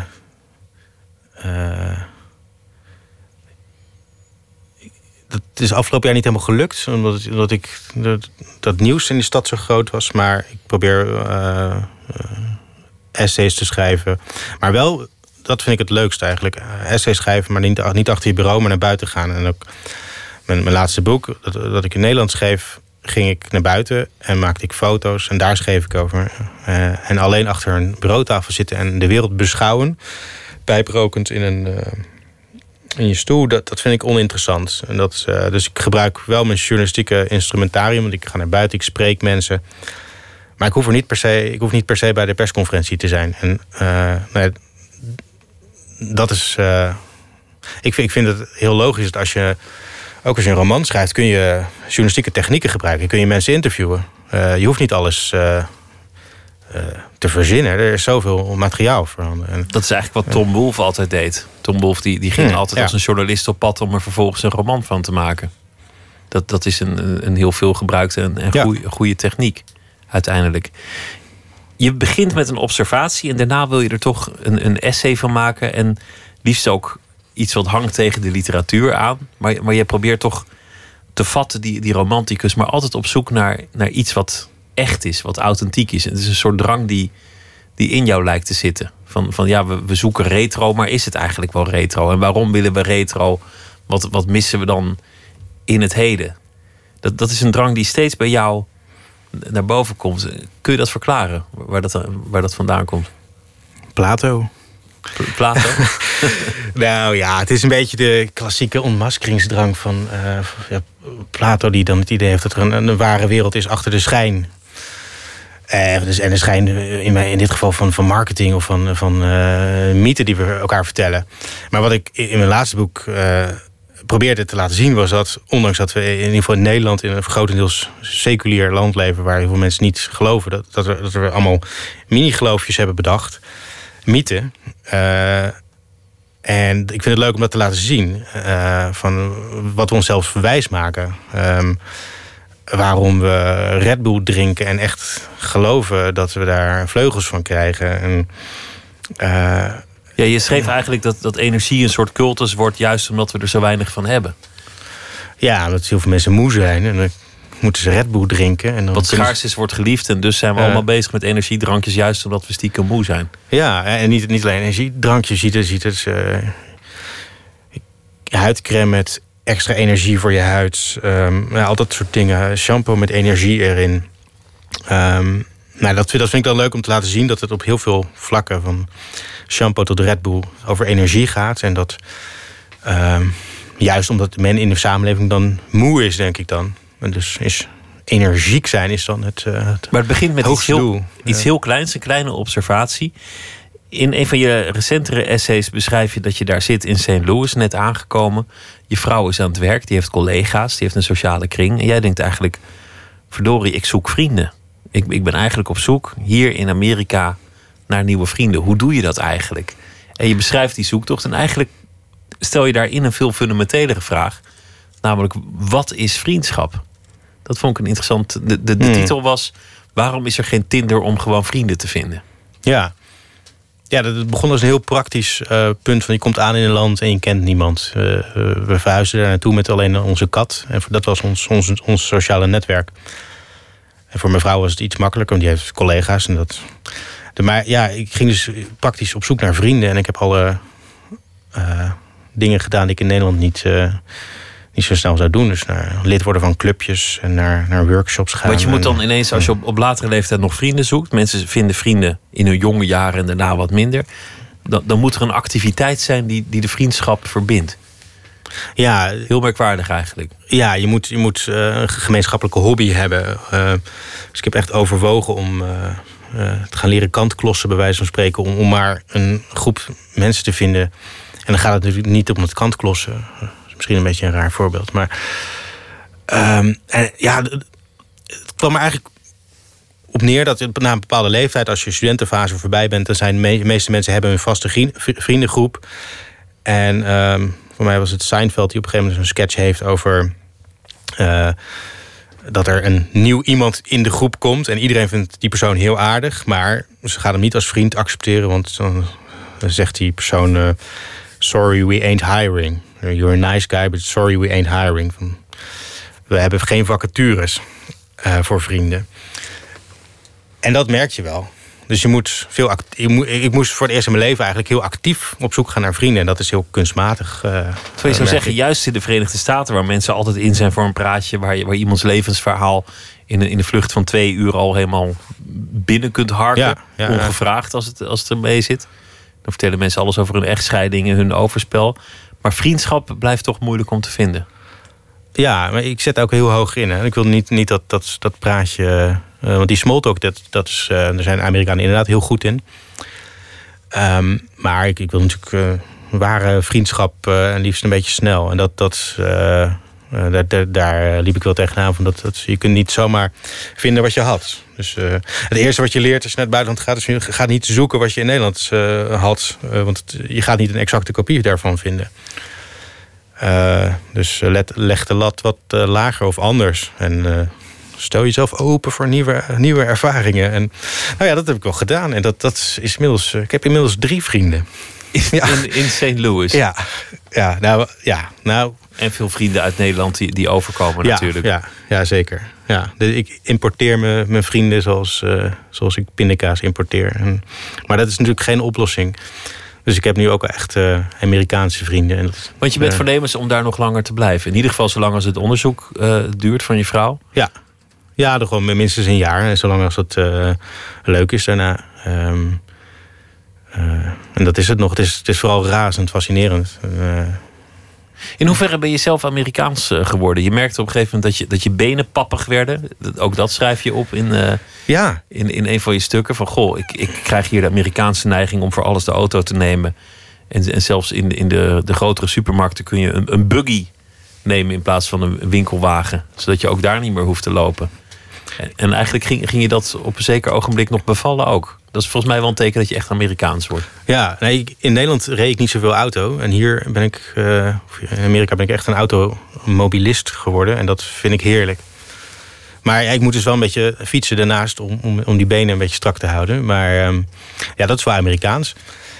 En ehm, dus ik ben mijn verzet tegen het land, wat ik in het begin een beetje had, eh, aan het opgeven. Ik heb ook een, eh, een baseball cap nu die mijn favoriete kledingstuk is geworden. En eh, ik heb het nu, nu eventjes niet op. Maar dat is natuurlijk ook eh, eh, een manier van blending in met het land waar je woont. Je zegt nog zeker een jaar. Volgend jaar dan ehm, is het natuurlijk het jaar van de, van de verkiezingen. Dat, dat, eh, Ja, die ga ik negeren. Die ga je negeren, Ja, daar, daar ga je ja. dan niks mee doen. Nee, dat, dat doe ik bewust. Vooral omdat ze... Nee, ik word ontzettend moe van de manier waarop verkiezingen worden verslagen. Eh, in Nederland zoals in Amerika. Eh, al dat er al twee jaar van tevoren eh, over, over een verkiezing wordt geschreven en gedebatteerd en geduid. Dat kan, ik, kan ik helemaal niets mee. En ik weet dat het heel populair is en dat, dat mensen heel gretig die stukjes lezen. Omdat het dat is de mooiste reality show. Maar het, het Nee. zou- ja, je had, je had in de jaren zeventig Hunter Thompson, die, die achter de campagnewagen aanreed en eigenlijk de kleine gebeurtenissen vatte die er omheen gebeurden. Als er iemand dat, dat goed zou kunnen, ben jij het volgens mij. Mooie essays over Amerika in het kielzog van een, van een campagne. Maar het trekt jou niet. Nou, ik, ik zat met een ideetje te spelen om ehm, voor de correspondent een soort verkiezingsblog te beginnen. Maar dan niet eh, over de presidentsverkiezingen, maar over allerlei lokale verkiezingjes die er natuurlijk voortdurend zijn. En die veel meer impact hebben op het leven van mensen dan, dan wie, wie, de, wie de president wordt. Want dat, dat heeft, voor de, dat heeft niet, niet direct invloed op. eh, op, op, eh, op, Op de parkeerboetes en, en Nee, het, nee het dus het gaat echt om de, de Ja. lokale sheriff. Die, dus daar, daar zou ik wel over willen schrijven. Maar het is ook omdat ik het gewoon eh, too much vind. Eh, als er, er zijn heel veel goede journalisten eh, die, die die verkiezingen erg goed verslaan. En ik heb er echt niet zoveel aan toe te voegen. Eigenlijk ben je nog steeds een journalist die denkt: ja, ik ben wel journalist, maar, maar ik zit half ook in die oudheid. En ik ben ook een beetje een schrijver, een beetje filosoof, een essayist. En de, de, persconferentie, alsjeblieft niet. Klopt, ja. ja. En hoe gaat het Ja. met de roman intussen? Dat vroeg ik me ook Oh jee. af. Ik heb al een beginregel. Die ga je niet verklappen. Na een jaar. Nee, nee. Daar ben ik ook nog aan, aan het schaven. Ja, dat gaat verschrikkelijk. Het gaat, gaat met pieken en dalen en, en hele diepe dalen. En, maar dat is ook de leu- het is ook echt een ander vak. En het is ook echt moeilijk. En dat, ik heb ook wel heel veel... ehm, ja, het is een beetje naïef om te denken... Ik, ik draai een knop om en ik verander mezelf van journalist in eh romancier. Eh, ik stap uit het vliegtuig en ik ben, ben kunstenaar.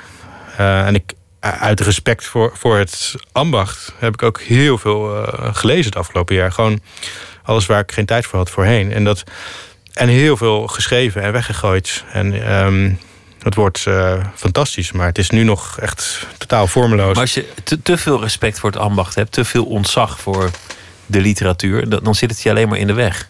Je moet, je moet voor een deel volgens mij, in wat je ook doet, ook denken: fuck it, ik ga het gewoon doen. En eh, als je denkt: oh, dit, dit, ik ga een boek schrijven wat plechtig, dan, dan zit je jezelf in de weg.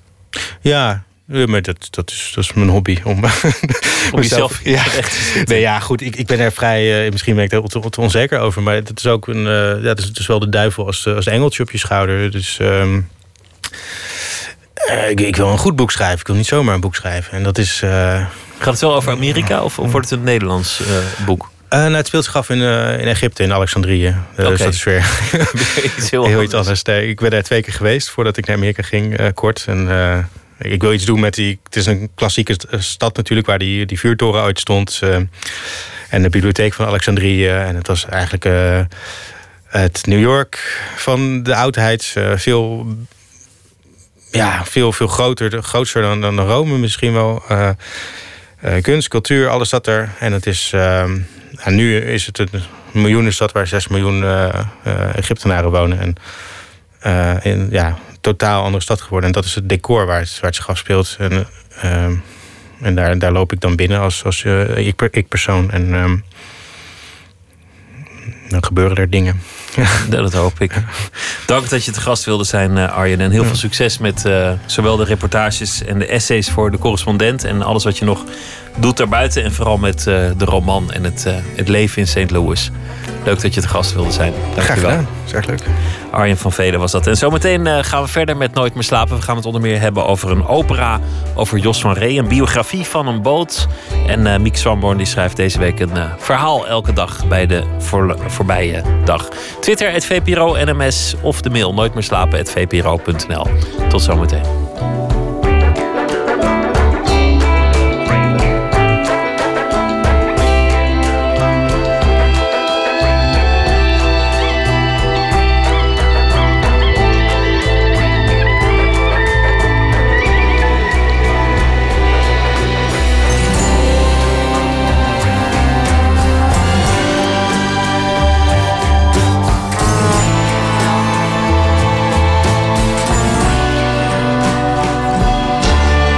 Radio 1.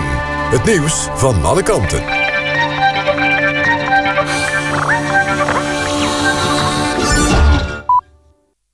Het is 1 uur, Jeroen Tjepkema met het NOS Journaal. De Feyenoord-fans die worden verdacht van de rellen in Rome... moeten eind deze maand in Rotterdam voor de rechter komen. Half februari misdroeg de groep zich in het centrum van de Italiaanse hoofdstad... voor de Europa League-wedstrijd tegen AS Roma. Daarbij raakte onder meer de Barcaccia-fontein... aan de voet van de beroemde Spaanse trappen beschadigd. De 44 Feyenoord-aanhangers worden vervolgd voor de vernielingen... en voor het gooien van stenen naar de politie. Een man van 21 uit Zierikzee is ook aangeklaagd voor poging tot doodslag. Hij zou een mortierbom naar een agent hebben gegooid. De rechtszaak op 31 augustus is een proforma-zitting. De inhoudelijke behandeling is in het najaar. Het kabinet heeft voor het komende jaar 500 miljoen euro extra te besteden. Dat bedrag loopt de jaren daarna op tot 750 miljoen euro per jaar. De meevallers gaan voornamelijk naar defensie en de zorg. Verder krijgen vaders langer ouderschapsverlof... van twee dagen nu naar vijf dagen in 2017. Jean-Marie Le Pen is uit het Front National gezet... de Franse nationalistische partij die hij zelf heeft opgericht. Na een hoorzitting in Parijs is hem zijn lidmaatschap ontnomen... onder meer vanwege zijn antisemitische uitspraken. Le Pen was al eens geschorst, maar vocht dat succesvol aan bij de rechter. Ook nu wil hij het besluit van zijn partij weer aanvechten. Minister Dijsselbloem hoopt dat de gemaakte afspraken met Griekenland geen vertraging oplopen nu er nieuwe verkiezingen komen op 20 september. Premier Tsipras kondigde afgelopen avond in een tv-toespraak aan dat hij aftreedt. Dijsselbloem gaat ervan uit dat ook een nieuwe regering zich houdt aan de Europese voorwaarden. De site van de Volkskrant is afgelopen middag zo'n drie kwartier onbereikbaar geweest door een cyberaanval.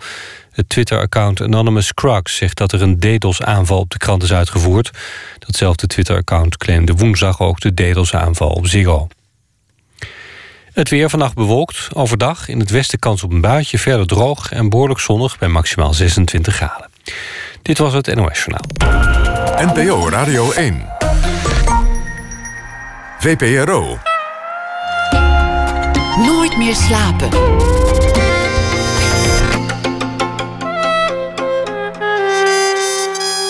Met Pieter van der Wielen.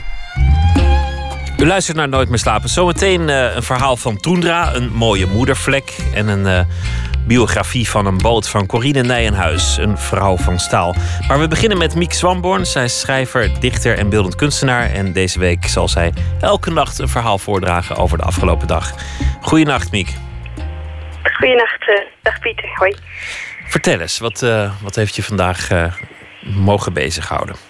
Ja, nou eerlijk gezegd ben ik een beetje mur geslagen door uh, al het nieuws.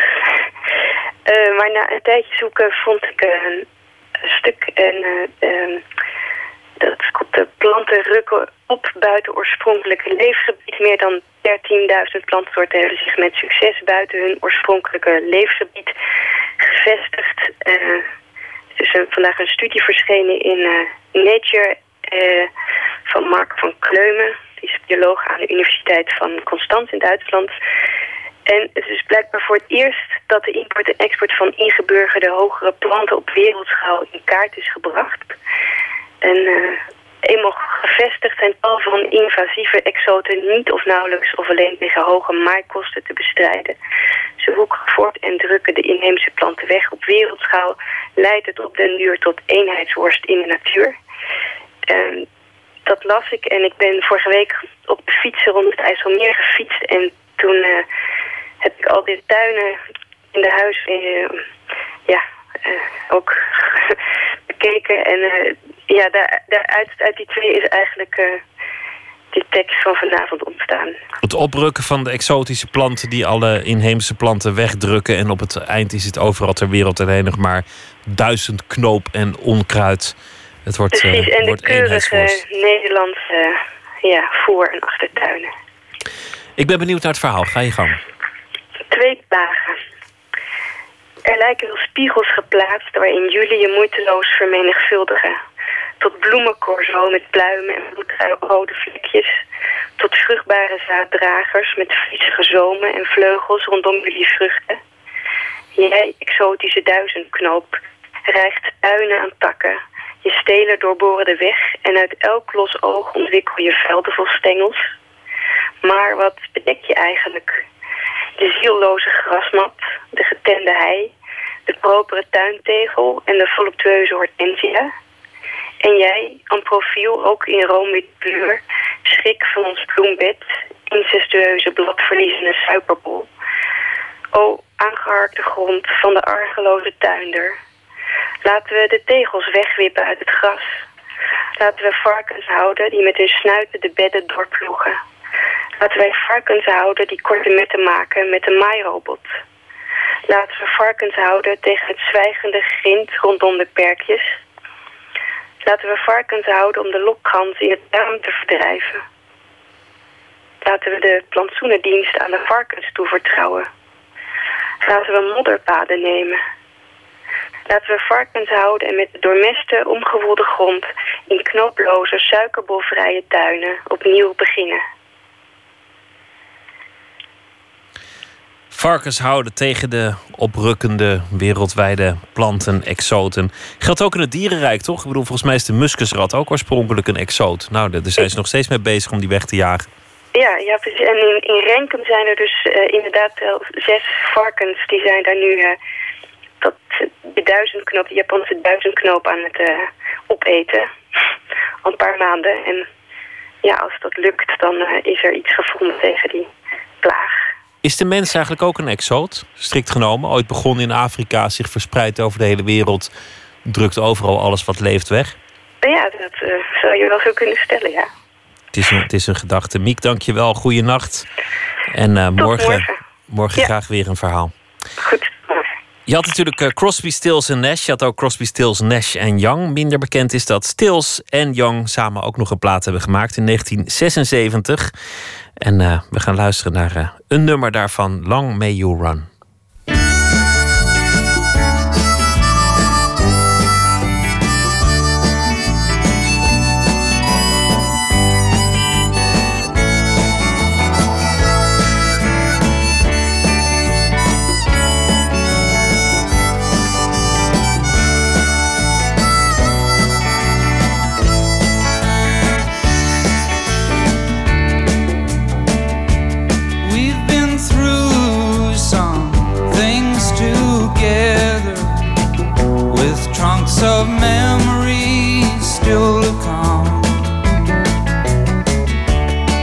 Found things to do in stormy weather. Long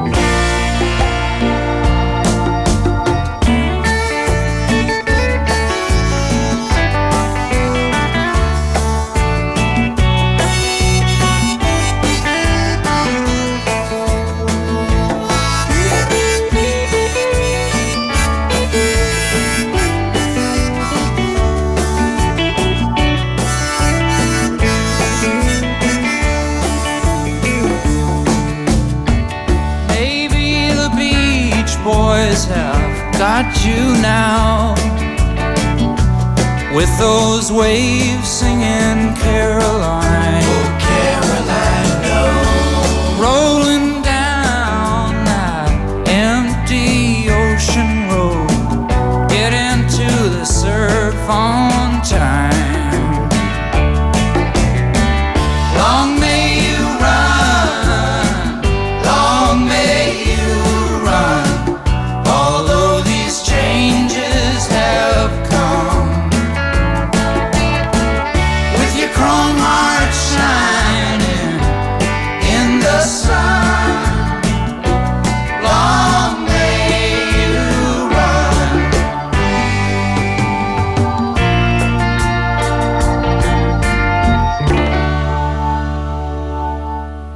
Stephen Stills en Neil Young samen lang May You Run. Nooit meer slapen. Afgelopen week verscheen een vrouw van staal ondertitel Buitengewone biografie van een binnenvaartschip. Schrijfster Corine Nijenhuis, zelf eigenaar van de in dat boek beschreven Zeeuwse Clipper, beschrijft de ruim 100 jaar durende vaart en de levensdagen van de vijf schippers. Verslaggever Anton de Goede die mocht meevaren.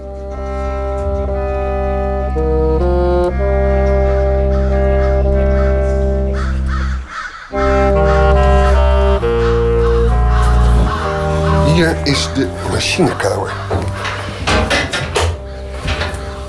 Ja, vertel, wat is dit voor een soort motor?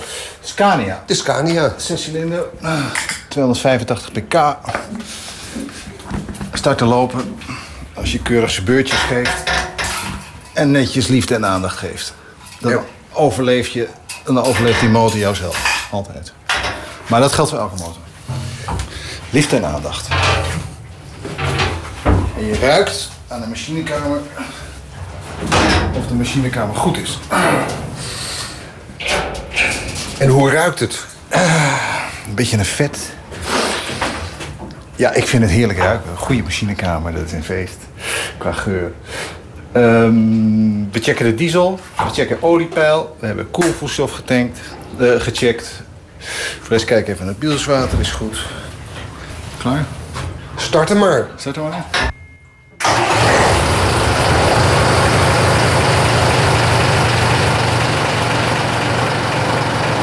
Het schip de Henriette, oorspronkelijk een Zeeuwse klipper. Die centraal staat in een vrouw van staal. Het is het schip van Jaap en Corine. We gaan ermee het Amsterdamse ei op. Maar eerst spreek ik Corine in het ruim van het 114 jaar oude schip. Het schip dat zij is gaan zien als een persoon van wie ze nu de biografie heeft geschreven. Als wij eh, varen, in het begin voeren we ermee... wij waren niet gewend dat ze, dat met zo'n groot schip te varen. Wij behandelden haar als een 15 meter lange sleper... die, wij, eh, die mijn vriend ook heeft. En dan vleiden ze zich moederlijk in, tegen eh, een weiland aan, tegen de kade. En dan, je zag haar denken, ja, dat kan helemaal niet, maar ach, we doen het even.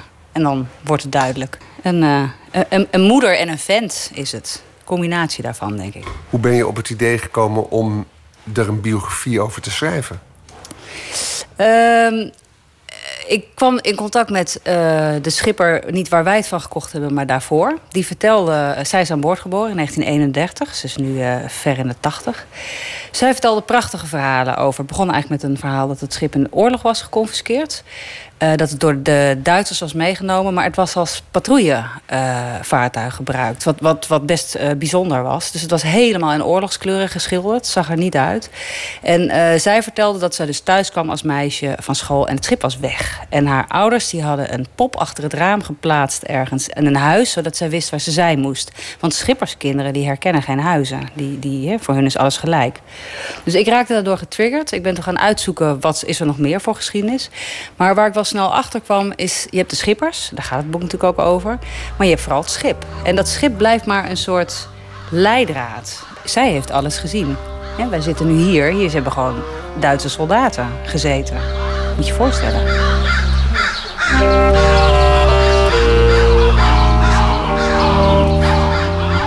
De Henriette overleefde twee wereldoorlogen en de grote crisis in de jaren 30. Ze werd geroofd door de nazi's, bracht ontheemden terug naar huis, hielp mee aan de afsluitdijk en de Zeelandbrug en voelde het zoute water zoet worden. In Een Vrouw van Staal maken we kennis met de intiemste details van de schippersfamilies. Opmerkelijk genoeg lezen we weinig over de huidige bewoners, Jaap en Corine. Corine, jullie hebben geen kinderen. Nee, nee, nee. Want dat is in jouw boek eigenlijk een terugkerend thema. Dat Ja. van geslacht op geslacht Ja. ontwikkelt zich dat. Ja. En bij jullie, jullie zijn eigenlijk de twee eigenaren die dan op het laatst aan bod komen. En dan ben je enorm eh, nieuwsgierig als lezer van, ja, die twee. Wat krijgen we nu voor levensverhalen? En dan stopt het ook. Ja, dan stopt het. Vind ik wel fijn. ik ben enorm op mijn pri- privacy gesteld. Wat ik heel grappig vind is, eh, en mij verwondert eigenlijk vooral, is dat die mensen, dat is in dit, dit boek, is mijn vorig boek ook geweest.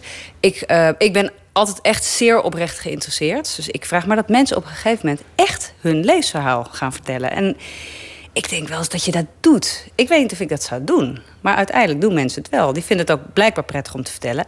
En ik ben wel een oprecht luisteraar. En ik probeer daar ook heel uh, integer mee om te gaan. Maar het is wel fascinerend dat mensen uh, ja, behoorlijke intimiteiten vertellen. En dat moet ook, hè, anders kan je dit verhaal ook niet, uh, niet vertellen. Maar schippers zijn over het algemeen best stug. Dus ik vind het ook wel een prestatie dat ik het eruit heb weten te krijgen.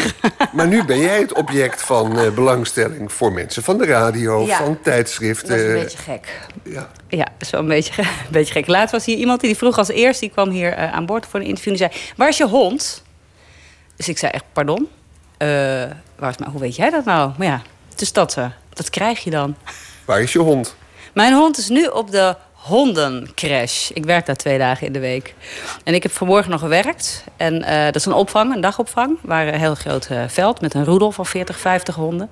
En daar is eh, mijn hond mee als ik er werk. En nu is hij daar zonder mij om ons niet te storen in het gesprek.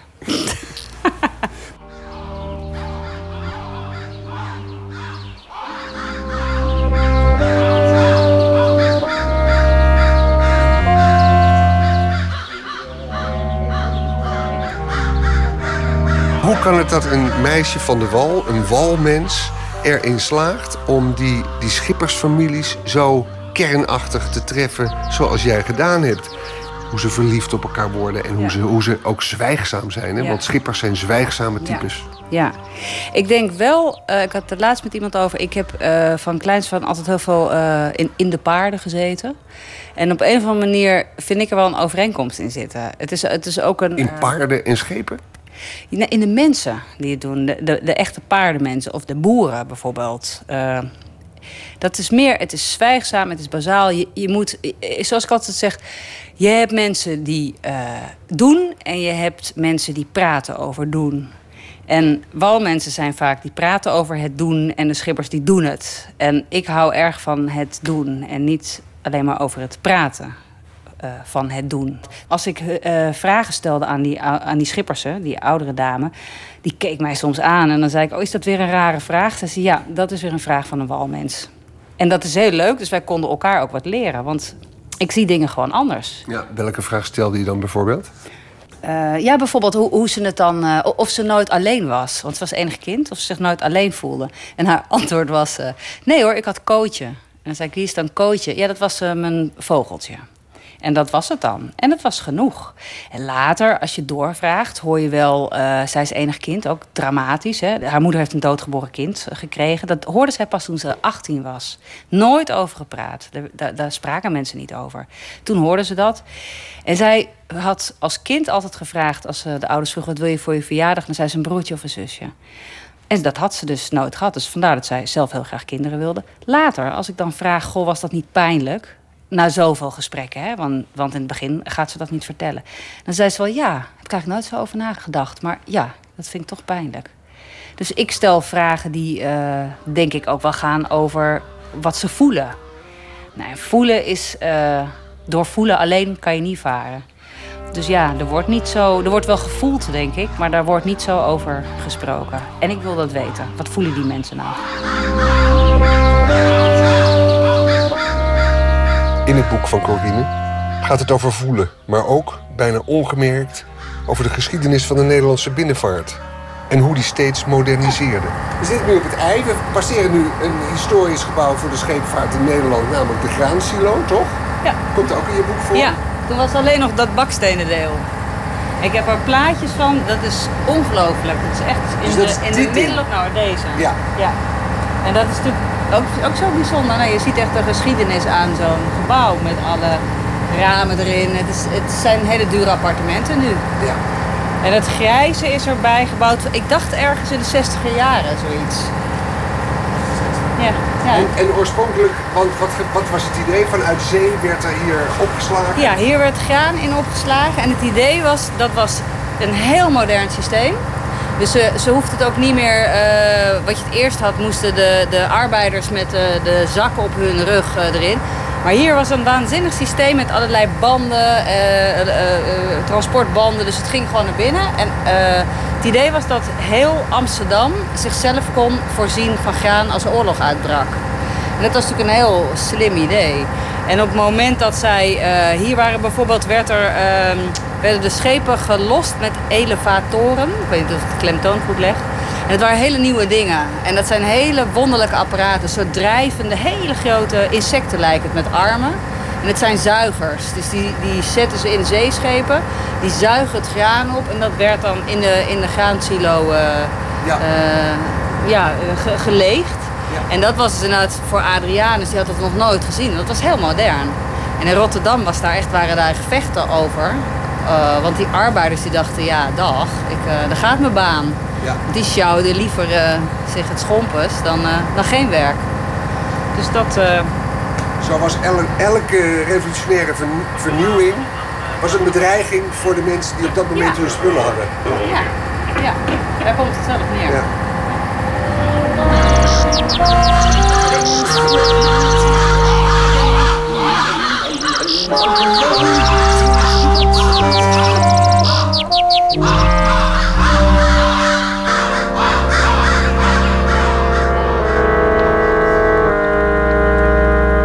Anton de Goede was dat vanaf het schip waarover het eh, boek Een vrouw van staal gaat. Geschreven door Corine Nijenhuis. Elke dag een tip voor eh, Lowlands, want dat is eh, komend weekende. En deze nacht is dat de Schotse-Italiaanse zanger Paolo Nutini. Caustic Love is de titel van zijn laatste plaat, vol met eh, blanke soul. En dit nummer staat erop, Numpty.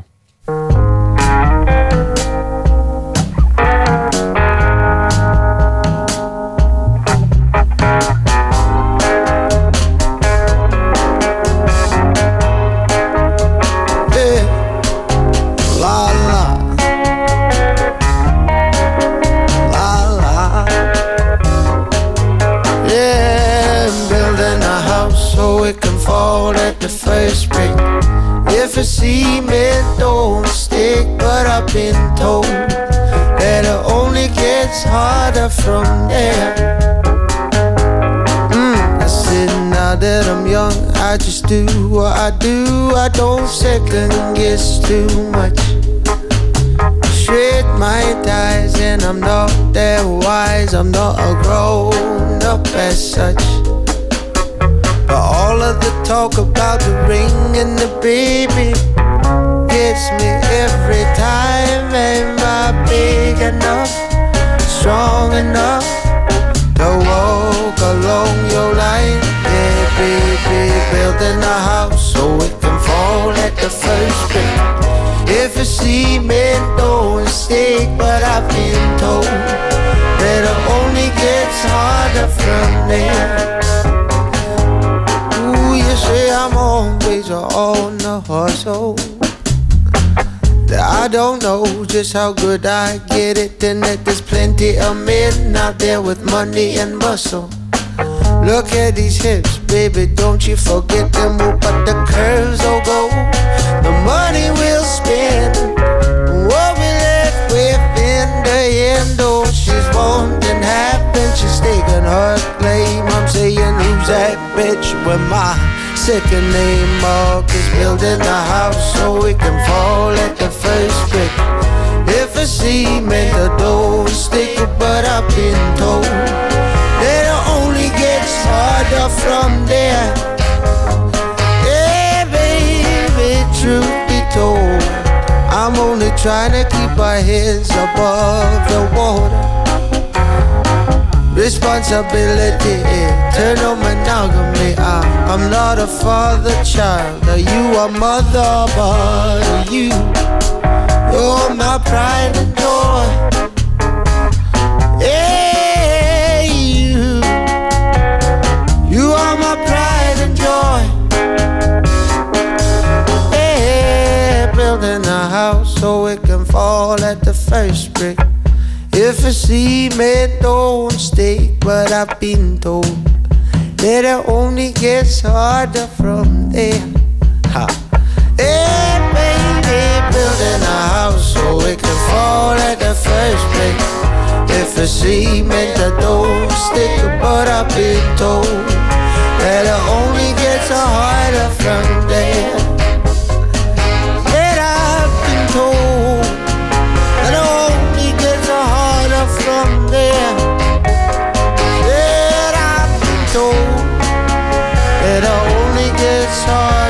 Yeah,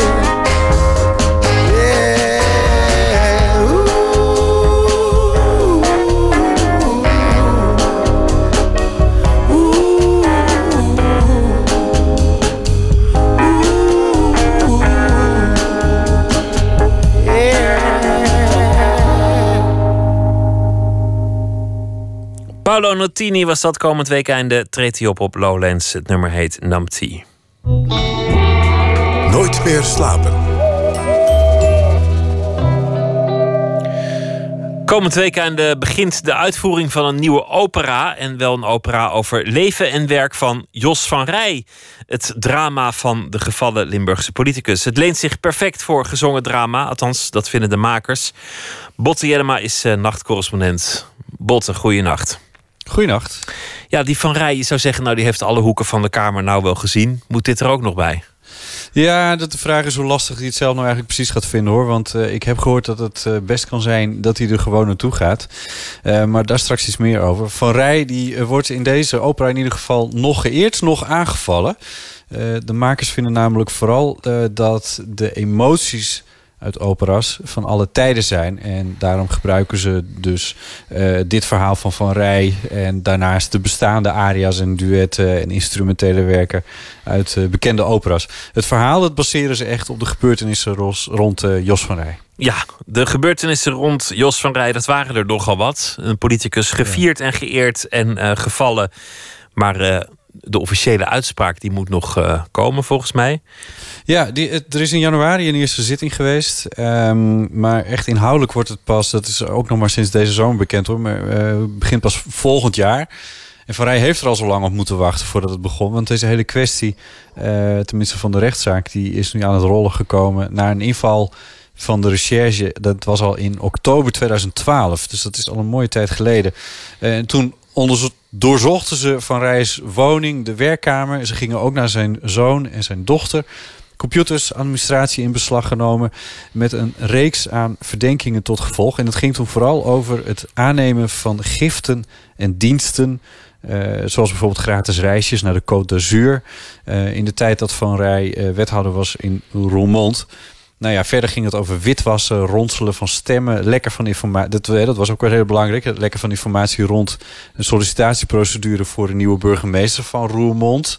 Uh, beruchte telefoontje wat toen is gepleegd. Van Rij ontkent alles. Het is allemaal uitgebreid in het nieuws geweest. Er is ook een boek over verschenen. En dat boek dat heette uh, El Rij.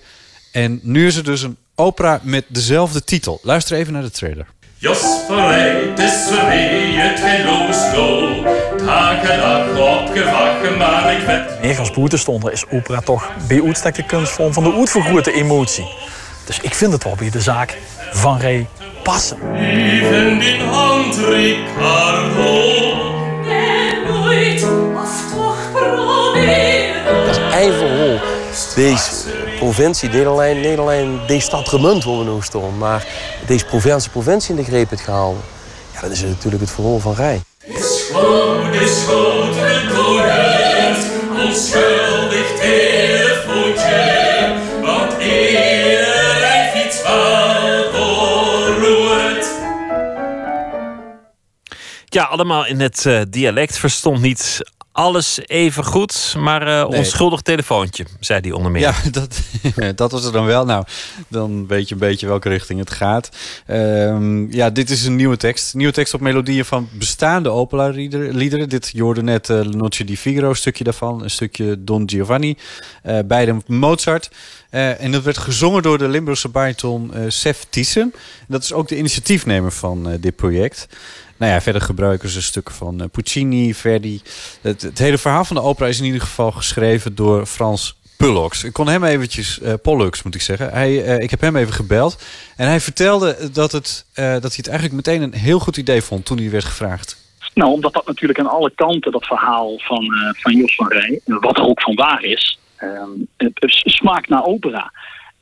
en vooral naar wat mensen die weinig met opera hebben, uh, aan beelden hebben bij opera's. Wat je je daarbij voorstelt. Uh, de, dramatiek en uh, de hoogtes en de dalen. En het verraad en de wraak. En macht en wellust. En ja, dat zit, dat zit allemaal in dat verhaal van Jos van Rij. Ja, Frans Pollux, eh, hij vertelde me dat er bijvoorbeeld een heel gepassioneerd liefdesduet in zit. En dat is dan met eh, de heren Van Rij en Van Pol. En Van Pol, dat is die ondernemer waarvan Rij die eh, reisjes naar de Côte d'Azur van schijnt te hebben gekregen. Het motief van Van Rij in het verhaal is vergelding, zegt Frans. Wat hem drijft in deze voorstelling, in mijn fantasie, wat hem drijft om door te gaan en om toch steeds weer te blijven vechten, is wraak op allemaal die mensen die hem iets in de weg hebben gelegd. Nou ja, heeft daar ook wel uitspraak over gedaan. Hij heeft bijvoorbeeld gezegd dat als hij zelf ten val komt, dus de rechter hem veroordeelt, dat hij dan een boekje open zal doen en dat andere, hij anderen mee zal sleuren in zijn val. Nou ja, dat leent zich natuurlijk ook wel voor een drama als opera. Ook het verhaal van een, een man die naar grote hoogte stijgt. ehm, en dan, nog los van wat de rechter straks zegt, toch ook van die sokkel afvalt. En wat dat met de man doet en met zijn omgeving. Ja, dat, dat, dat, dat is wel opera-achtig. Hebben ze zich alleen gebaseerd op eh, wat er in, in de kranten heeft gestaan... of hebben ze ook andere bronnen gebruikt? Nou, sowieso is dat Boeker van eh, Hans Goossens en eh, Theo Sneakers. die twee Limburgse journalisten die dat El Rij boek hebben geschreven. Maar Frans Pollux heeft Jos van Rij zelf ook ontmoet. Omdat Frans ook werkt als journalist. En hij kent de verhalen over en van Van Rij heel erg goed. Wat hem opviel daarbij is dat Van Rij eigenlijk... eh, eh, hij kan dat dan met een beetje een soort van, van hoe zeg je dat, overkoepelende visie bekijken. Eh, eigenlijk heel erg weinig tegenspraak kreeg van zijn omgeving. Ja, bijvoorbeeld zoals collega-wethouders en burgemeesters. Het meest beeldende verhaal, en dat zit ook in de voorstelling nu, is van een wethouder, een collega-wethouder, die zo bang was om inhoudelijk een discussie aan te gaan met Van Rij, dat hij bij een collegevergadering waar een voorstel ter tafel kwam waar hij het niet mee eens was. In plaats van de discussie aan te gaan, ging hij dan naar de wc, ging hij, ging hij plassen.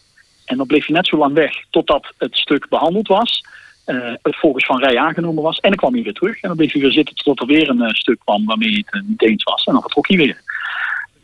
Dat is echt gebeurd. Nou, moet je je voorstellen dat dat soort dingen gebeuren. Nou ja, dat, dat zie je opera-personages wel doen. Dit soort, ja, dit soort gedrag vertonen. Mensen zo bang maken dat ze je niet eens meer te woord durven te staan. Frans zegt dat je dit gedrag van Rij wel kan verwijten. Maar hij zegt, eigenlijk kan je het ook net zo goed zijn omgeving verwijten. Dus ze nemen in dit stuk geen stelling. Maar je zei aan het begin, misschien komt Van Rij zelf ook wel naar de, de première of de voorstelling. Dat lijkt me stug. Dat zie ik toch nauwelijks voor me, dat een man daar in de zaal gaat zitten en, en al die aantijgingen over zich heen laat komen. Of zelfs, Ja, zelfs ja. is het een neutraal stuk. Ik denk niet dat hij dat gaat doen. Nou, Frans Pollux die twijfelt eraan. In de Volkskrant stond eh, vanochtend dat de directeur van het, eh, van het eh, Openluchttheater... Daar, gaat het stuk in première volgend weekend... die heeft Van Rij per mail uitgenodigd... dat Van Rij voor de première in ieder geval heeft bedankt. Maar hoe het uiteindelijk gaat lopen, Frans Pollux daarover. Van Rij inschattende, het zou mij niet verbazen als hij bij de première op de eerste rij zou zitten. Ik bedoel, zo is hij. En dat, in- zekere zin geniet hij daar ook van. Ik denk dat hij, hij weet natuurlijk niet wat de, wat de voorstelling eh, precies, eh, wat de inhoud daarvan is. Dus ik kan me voorstellen dat hij ook een beetje angstig is en, en, en dat dat raar is. Ik denk dat hij het een mooie voorstelling zal vinden. Ehm, ik denk ook niet dat hij mij gelooft als ik dat zeg. Maar ik denk wel dat hij het zelf zou willen komen controleren. Dus ik, ik denk dat hij in ieder geval één keertje erbij is. Nou ja, opvallend is in ieder geval... eh, Van Rij hoeft er niet ver voor te reizen. Want die voorstelling komt ook in Roermond. Eh, daar zullen ze hem ook spelen. En dat is de plek waar Van Rij eh, wethouder was. En waar hij nu in de gemeenteraad zit met zijn eigen partij. En nu de grootste is in de gemeenteraad. El Rey, eh, de opera. Botte Jellema, dankjewel en een hele goede nacht. Alsjeblieft. Het nummer is vooral bekend vanwege de eerste regel, ooit gesampled door Moby in zijn nummer Find My Baby. Eind jaren 90 was dat. Eigenlijk is het dus Boy Blue met Joe Lee en Willie Jones. En de laatste die eh, schreef het ook, 55 jaar geleden. Joe Lee's Rock. I'm gonna find my baby. Woo! Before that sun goes down. I'm gonna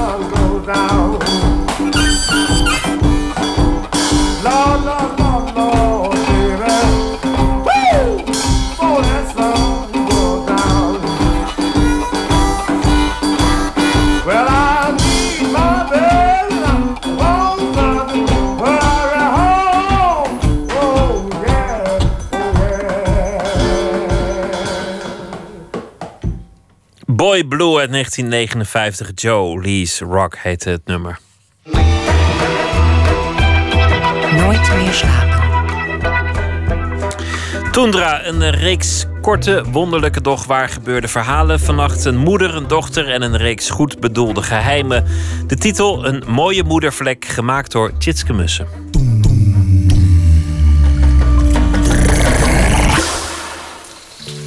İçine mi katacaksın onu?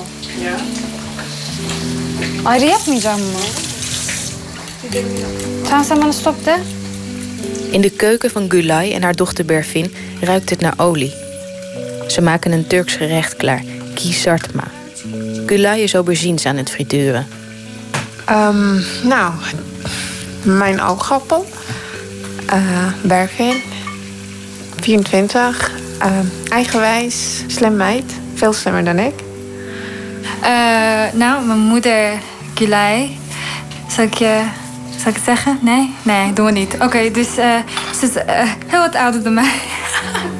Ehm, ze is lief, maar ze is ook een pittige tante. Eh, hier in de keuken delen we alles. Zeg maar... Want in de huiskamer dan is iedereen in zijn eigen hoekie. En dan wil je even eh, alle gelijk. Maar in de keuken dan, ja... Dan praten we even bij. En meestal tijdens het eten of zo. Van roddels tot liefdesleven. Ja. We praten over alles, toch? Ja. Toch zijn er dingen die Gulay en Berfin elkaar niet vertellen. Dat werd acht jaar geleden duidelijk, toen ze verhuisden naar Turkije. Ja, ik was 16.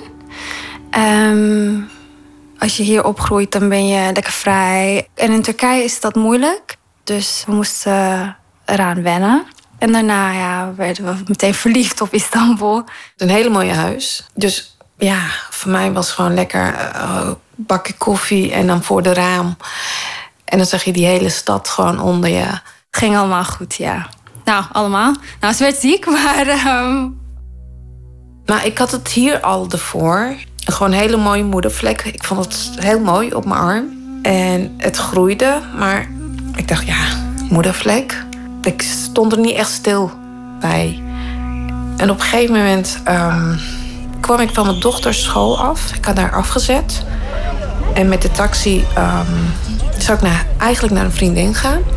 Maar ik voelde me niet zo lekker. Dus ik dacht, nou, ik, ik ga toch naar huis. Ik kwam bij de deur, bij de, bij de trappen.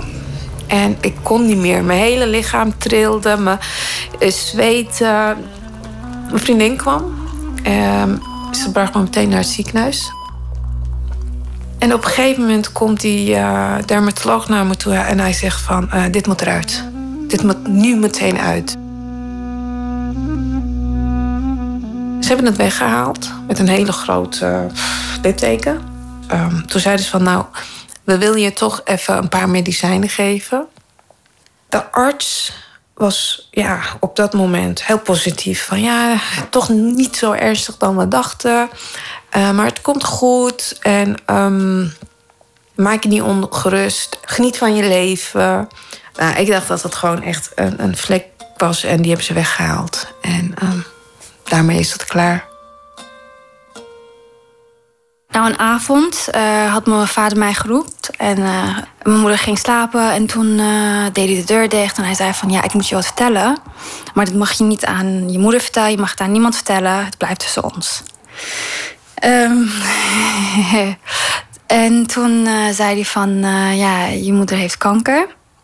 Ze heeft nog drie maanden om te leven. En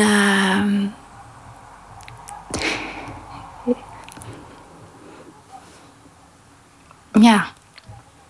Eh, toen hebben we al. Het was de eerste keer dat ik mijn vader echt za- zag ehm, janken. Het was niet meer huilen, het was echt janken. Ehm, En was het voor jou meteen logisch dat jullie dat niet aan haar zouden vertellen? Dat zij niet zou weten dat ze zou sterven? Nee, ik wou dat ze het wist. Maar mijn vader zei eh, dat hij met de dokter had gesproken. En dat vond ik ook heel raar. Want de dokter had het niet aan haar verteld, maar aan mijn vader verteld.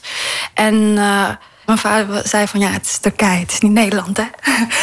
dus de dokter zei ook van ja, ze heeft maar drie maanden. Dus geniet ervan. We gingen wel wat vaker uit. Dat we gewoon eh, veel meer. ehm, dan, dan was het echt zo van: wat wil jij, wat wil je, wat wil je? Wou uitgaan of zo, eh, uit eten gaan. Vroeger zouden we denken van nee, nee, kom, we gaan thuis blijven. Waarom uit eten, bla bla. Eh, maar als ze dat zei, dan gingen we meteen. Op dat moment vond ik wel leuk hoor. Van nou, wauw. We waren ook bijna nooit alleen. Altijd wel vrienden om ons heen. Die dat wisten, maar ik niet. Ja, ik vond het wel opmerkelijk. Maar op dit moment vond ik het wel gezellig. Ik kon niet te aardig zijn, want dan zouden ze meteen weten dat er iets aan de hand was. Ehm, het was moeilijk. Je zit naast elkaar, je weet wat er aan de gaande is, maar ja, je mag niks zeggen. En toen, ja, ik heb een kleine blackout in die periode. Ik weet niet meer hoe ze het had gehoord, wie het had verteld. Volgens mij was het dat ik wou zonnen of, of in de zon wou. Ehm, en toen zei mijn dochter eh, van... Jij begrijpt het niet, hè, wat er gebeurd is. Jij beseft het niet, hè, dat wij te horen kregen... dat jij nog drie maanden te leven had. Toen, zei, toen, toen het eruit.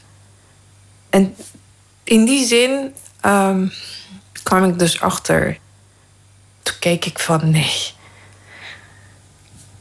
Eh, ik kon het gewoon niet geloven. Ik zeg, nee, dat kan toch niet. Was gewoon kwaad natuurlijk. Ik kon zelf niet beslissen van wat ik wilde of wat ik niet wilde. Maar de andere kant weer het ehm, gevoel van ehm, ze wilde me beschermen. Er waren wat onderzoeken gedaan ondertussen. En ehm, uiteindelijk hebben ze gezegd van dat het wel melanoom was. Dat het weggehaald, dat het niet uitgezaaid was. Dus ik ging niet dood. Maar dat wilde niet zeggen dat het ehm, niet terugkomt. En op dat moment eh, besef je inderdaad... hey, ik ben er vandaag, maar over een minuut kan ik er niet zijn. Ehm, ik wil in mijn leven kijken eh, in mijn sterfbed van oké, ik heb gedaan wat ik wilde. En dat had ik niet. Ik keek achterom in mijn leven. Er was niks wat ik zelf wilde. Ik ben heel jong getrouwd, 17 jaar. Ehm, dat was een gearrangeerd huwelijk. Het enige wat daar moois uitkwam was mijn dochter. Maar daaromheen, dat was niet mijn keus. Ik kon mijn familie kon ik eh, niet te schande brengen. Door te scheiden. Ja, ik denk dat dat eh, meespeelde. Dat ik heel veel dingen eh, heb moeten laten. Omdat ik zo snel mogelijk volwassen moest worden. Ik mocht ook niet werken van hem. Hij, hij zorgde liever voor ons. Luidruchtig lachen was bijvoorbeeld. Dat was als net een vrouw zijn. Oh nee, dat mag niet hoor. Of ehm, ja, s'nachts uitgaan met, met vrienden. Dat kon absoluut niet. En ik was altijd de vrouw zijn. Of de dochter van mijn vader. Of de zus van mijn broer. Maar ik was nooit Gulay zelf. Toen heb ik dus eh, dingen, een lijst zeg maar, gemaakt van... oké, dit wil ik nog doen, dit wil ik nog doen. Dus dat was bovenaan de lijst. Gewoon leven ehm, zoals Gulay het wilde. Mijn dochter is naar Engeland vertrokken om te studeren. En van de ene op de andere dag heb ik mijn koffer gepakt. Ik denk een paar kledingstukken en verder niks. Daarna ben ik naar een dorp gegaan waar niemand me kende. En daar ben ik dus gewoon weer een nieuw leven gaan beginnen. Met, mijn, ehm, met de lijst die ik had. Wat was het eerste? Iets heel simpels. Eh, als jong zijnde speelde ik dus eh, op lagere school uh, Turkse folklorisch Maar omdat mijn oom, die vond dat niet goed. Die heeft mij dus uit het les geno genomen. En dat vond, dat, dat, dat, vond ik zo erg toen. Mijn ex vond dat, ja, die vond het wel leuk. Maar die, die zei van, ja, je bent te oud ervoor. dus ehm, dat ben ik gaan doen. Ik heb in een juwelierzaak gewerkt. Op een toeristische plek. En na het werken kwamen we dan bij elkaar, gingen we samen eten. Uh, ja, een drankje en gewoon luidruchtig lachen om de stomste dingen. Heerlijk. Soms deed ik het gewoon uitbundig en dan dacht ik, hè, ga wel een beetje te ver. Dan denk je, ja, moet, moet dat zo hard? Maar dat, dat, je leert het, zeg maar, uh, net autorijden. In het begin ga je alle hoeken en daarna ga je, zeg maar, beheers je gewoon je vrijheid. Nu woont Gulay weer in Nederland. Als vrijwilliger bij Stichting Gezondheid Allochtone Nederland begeleidt ze nu patiënten en hun familieleden tijdens het ziekteproces. Heel veel hebben uh, taalproblemen, waardoor dus een familielid bij zit die het moet vertalen. En uit bescherming horen ze meestal van: oké, eh, je bent wel ziek, maar uh, heel veel verhalen, hele, hele andere verhalen van alle hoeken. En als de patiënt wel toevallig Nederlands spreekt, dan wordt het heel. Dan beschermt die weer de familie, die vertelt dan: ik heb niks. Het is ja, in onze cultuur nog steeds heel normaal. Ze adviseert hen om niks voor elkaar geheim te houden. Maar dat die gewoonte diep zit, weet Gulay als geen ander. Na vijf jaar komt haar kanker terug. Haar dochter studeert dan nog in het buitenland. Af en toe logeert een nichtje bij Gulay. Mijn arts die heeft het weer weggehaald. En ja, inderdaad, was kwaadaardig. En um, ik heb dat toen niet aan mijn dochter verteld. Zij was in de examenjaren op de universiteit. Um, ik heb dat bewust niet gedaan, omdat zij gewoon die rust nodig had om uh, een goede jaar van te maken. Ik was woest. Waarom zeg je het niet? Want ik vond dat ik het recht had om te weten. En toen, ja, ik werd ook boos op mijn nicht. Ik zei ook van, ja, als jij wat weet, dan moet jij het aan mij vertellen. Toen hebben ze ge gezegd van dat ik uh, voortaan wel aan haar moet vertellen. Dat het best aan kan. Um, nou, ik heb beloofd van oké, uh, als er wat is, dan uh, vertel ik het. Ook al vraag ik aan haar van hoe gaat het met je, hoe is je dag? Dan vraag ik ook even aan mijn nicht van hoe gaat het met iedereen? Is er wat te vertellen? en dan uh, soms krijg ik wat te horen. Vier weken geleden was, was weer een stuk uh, weggehaald. Uh, maar ik had het er niet verteld. Maar toch, je houdt zelf ook een taboe in, in stand door het niet je dochter te vertellen. Ja, dat klopt. Het zit er toch in. Dus ik, dan begrijp ik ook mensen heel vaak van als ze het niet willen vertellen, adviseer ik natuurlijk wel om het wel te vertellen. Maar um, zelf doe ik het niet, inderdaad. Het is, ja, ik weet het niet. Het is het, wat je niet weet. Dat deert niet. Maar dus daarom, ja, het is je kind. Je, je, je wilt gewoon niet dat ze, dat ze lijdt. Um, als ik nadenk van hoe zij het alleen moest verwerken toen. Um, nee, wil ik het pas zeggen als het over, over is.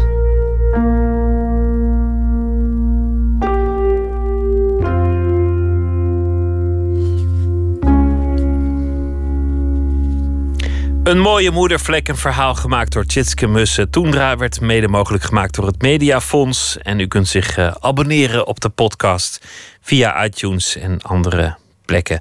Net als op de podcast van Nooit meer slapen trouwens. CNR is de naam van een Duits-Grieks echtpaar... dat uh, ook een duo vormt in de muziek. En uh, we gaan luisteren naar het nummer Should I Care. So many people rushing by They seem to run away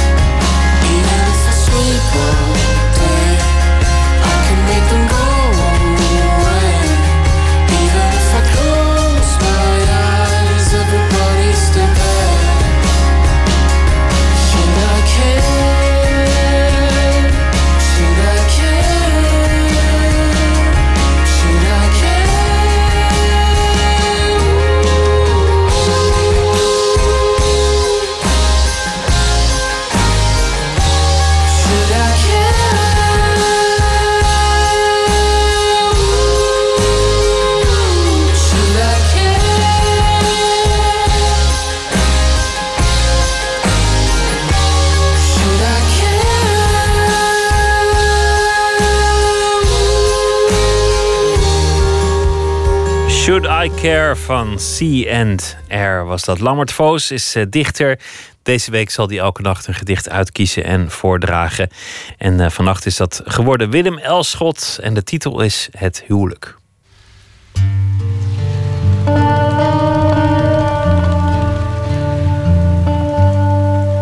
Het huwelijk van Elschot.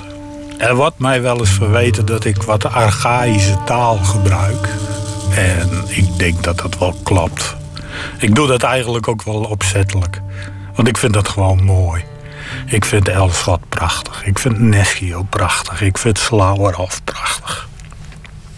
Dat is waarschijnlijk wel terug te lezen in mijn eigen werk. Ik schaam me daar niet voor. Het huwelijk. Toen hij bespeurde hoe de nevel van den tijd in de ogen van zijn vrouw de vonken uitkwam doven, haar wangen had verweerd, haar voorhoofd had doorkloven, toen wendde hij zich af en frat zich op van spijt. Hij vloekte en ging tekeer en trok zich bij den baard en mat haar met een blik, maar kon niet meer begeren. Hij zag de grootste zonde en duivelsplicht verkeren en hoe zij tot hem opkeek als een stervend paard. Maar sterven deed zij niet, al zoog zijn helse mond het merg uit haar gebeente dat haar toch bleef dragen. Zij dorste niet spreken meer, niet vragen of niet klagen, en rilde waar zij stond, maar leefde en bleef gezond. Hij dacht. Ik sla haar dood en steek het huis in brand. Ik moet de schimmel van mijn stramme voeten wassen. En rennen door het vuur en door het water plassen. Tot bij een ander lief in enig ander land. Maar doodslaan deed hij niet.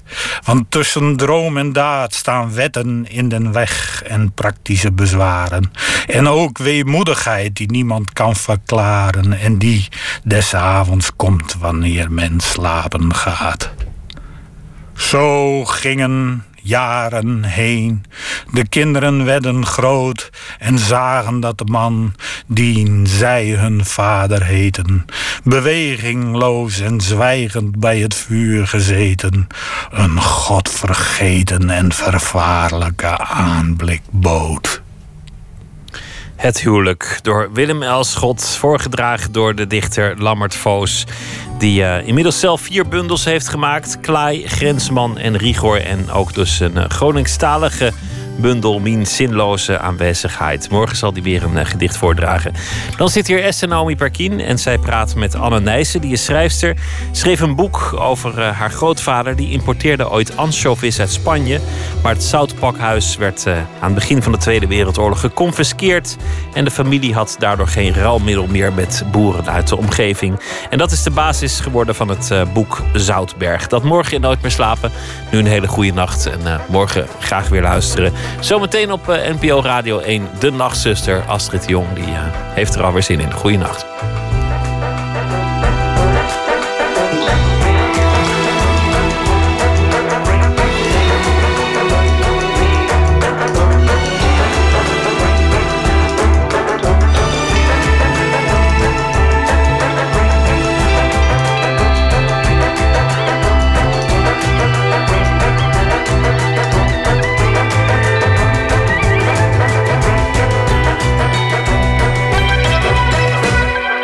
Radio 1, het nieuws van alle kanten.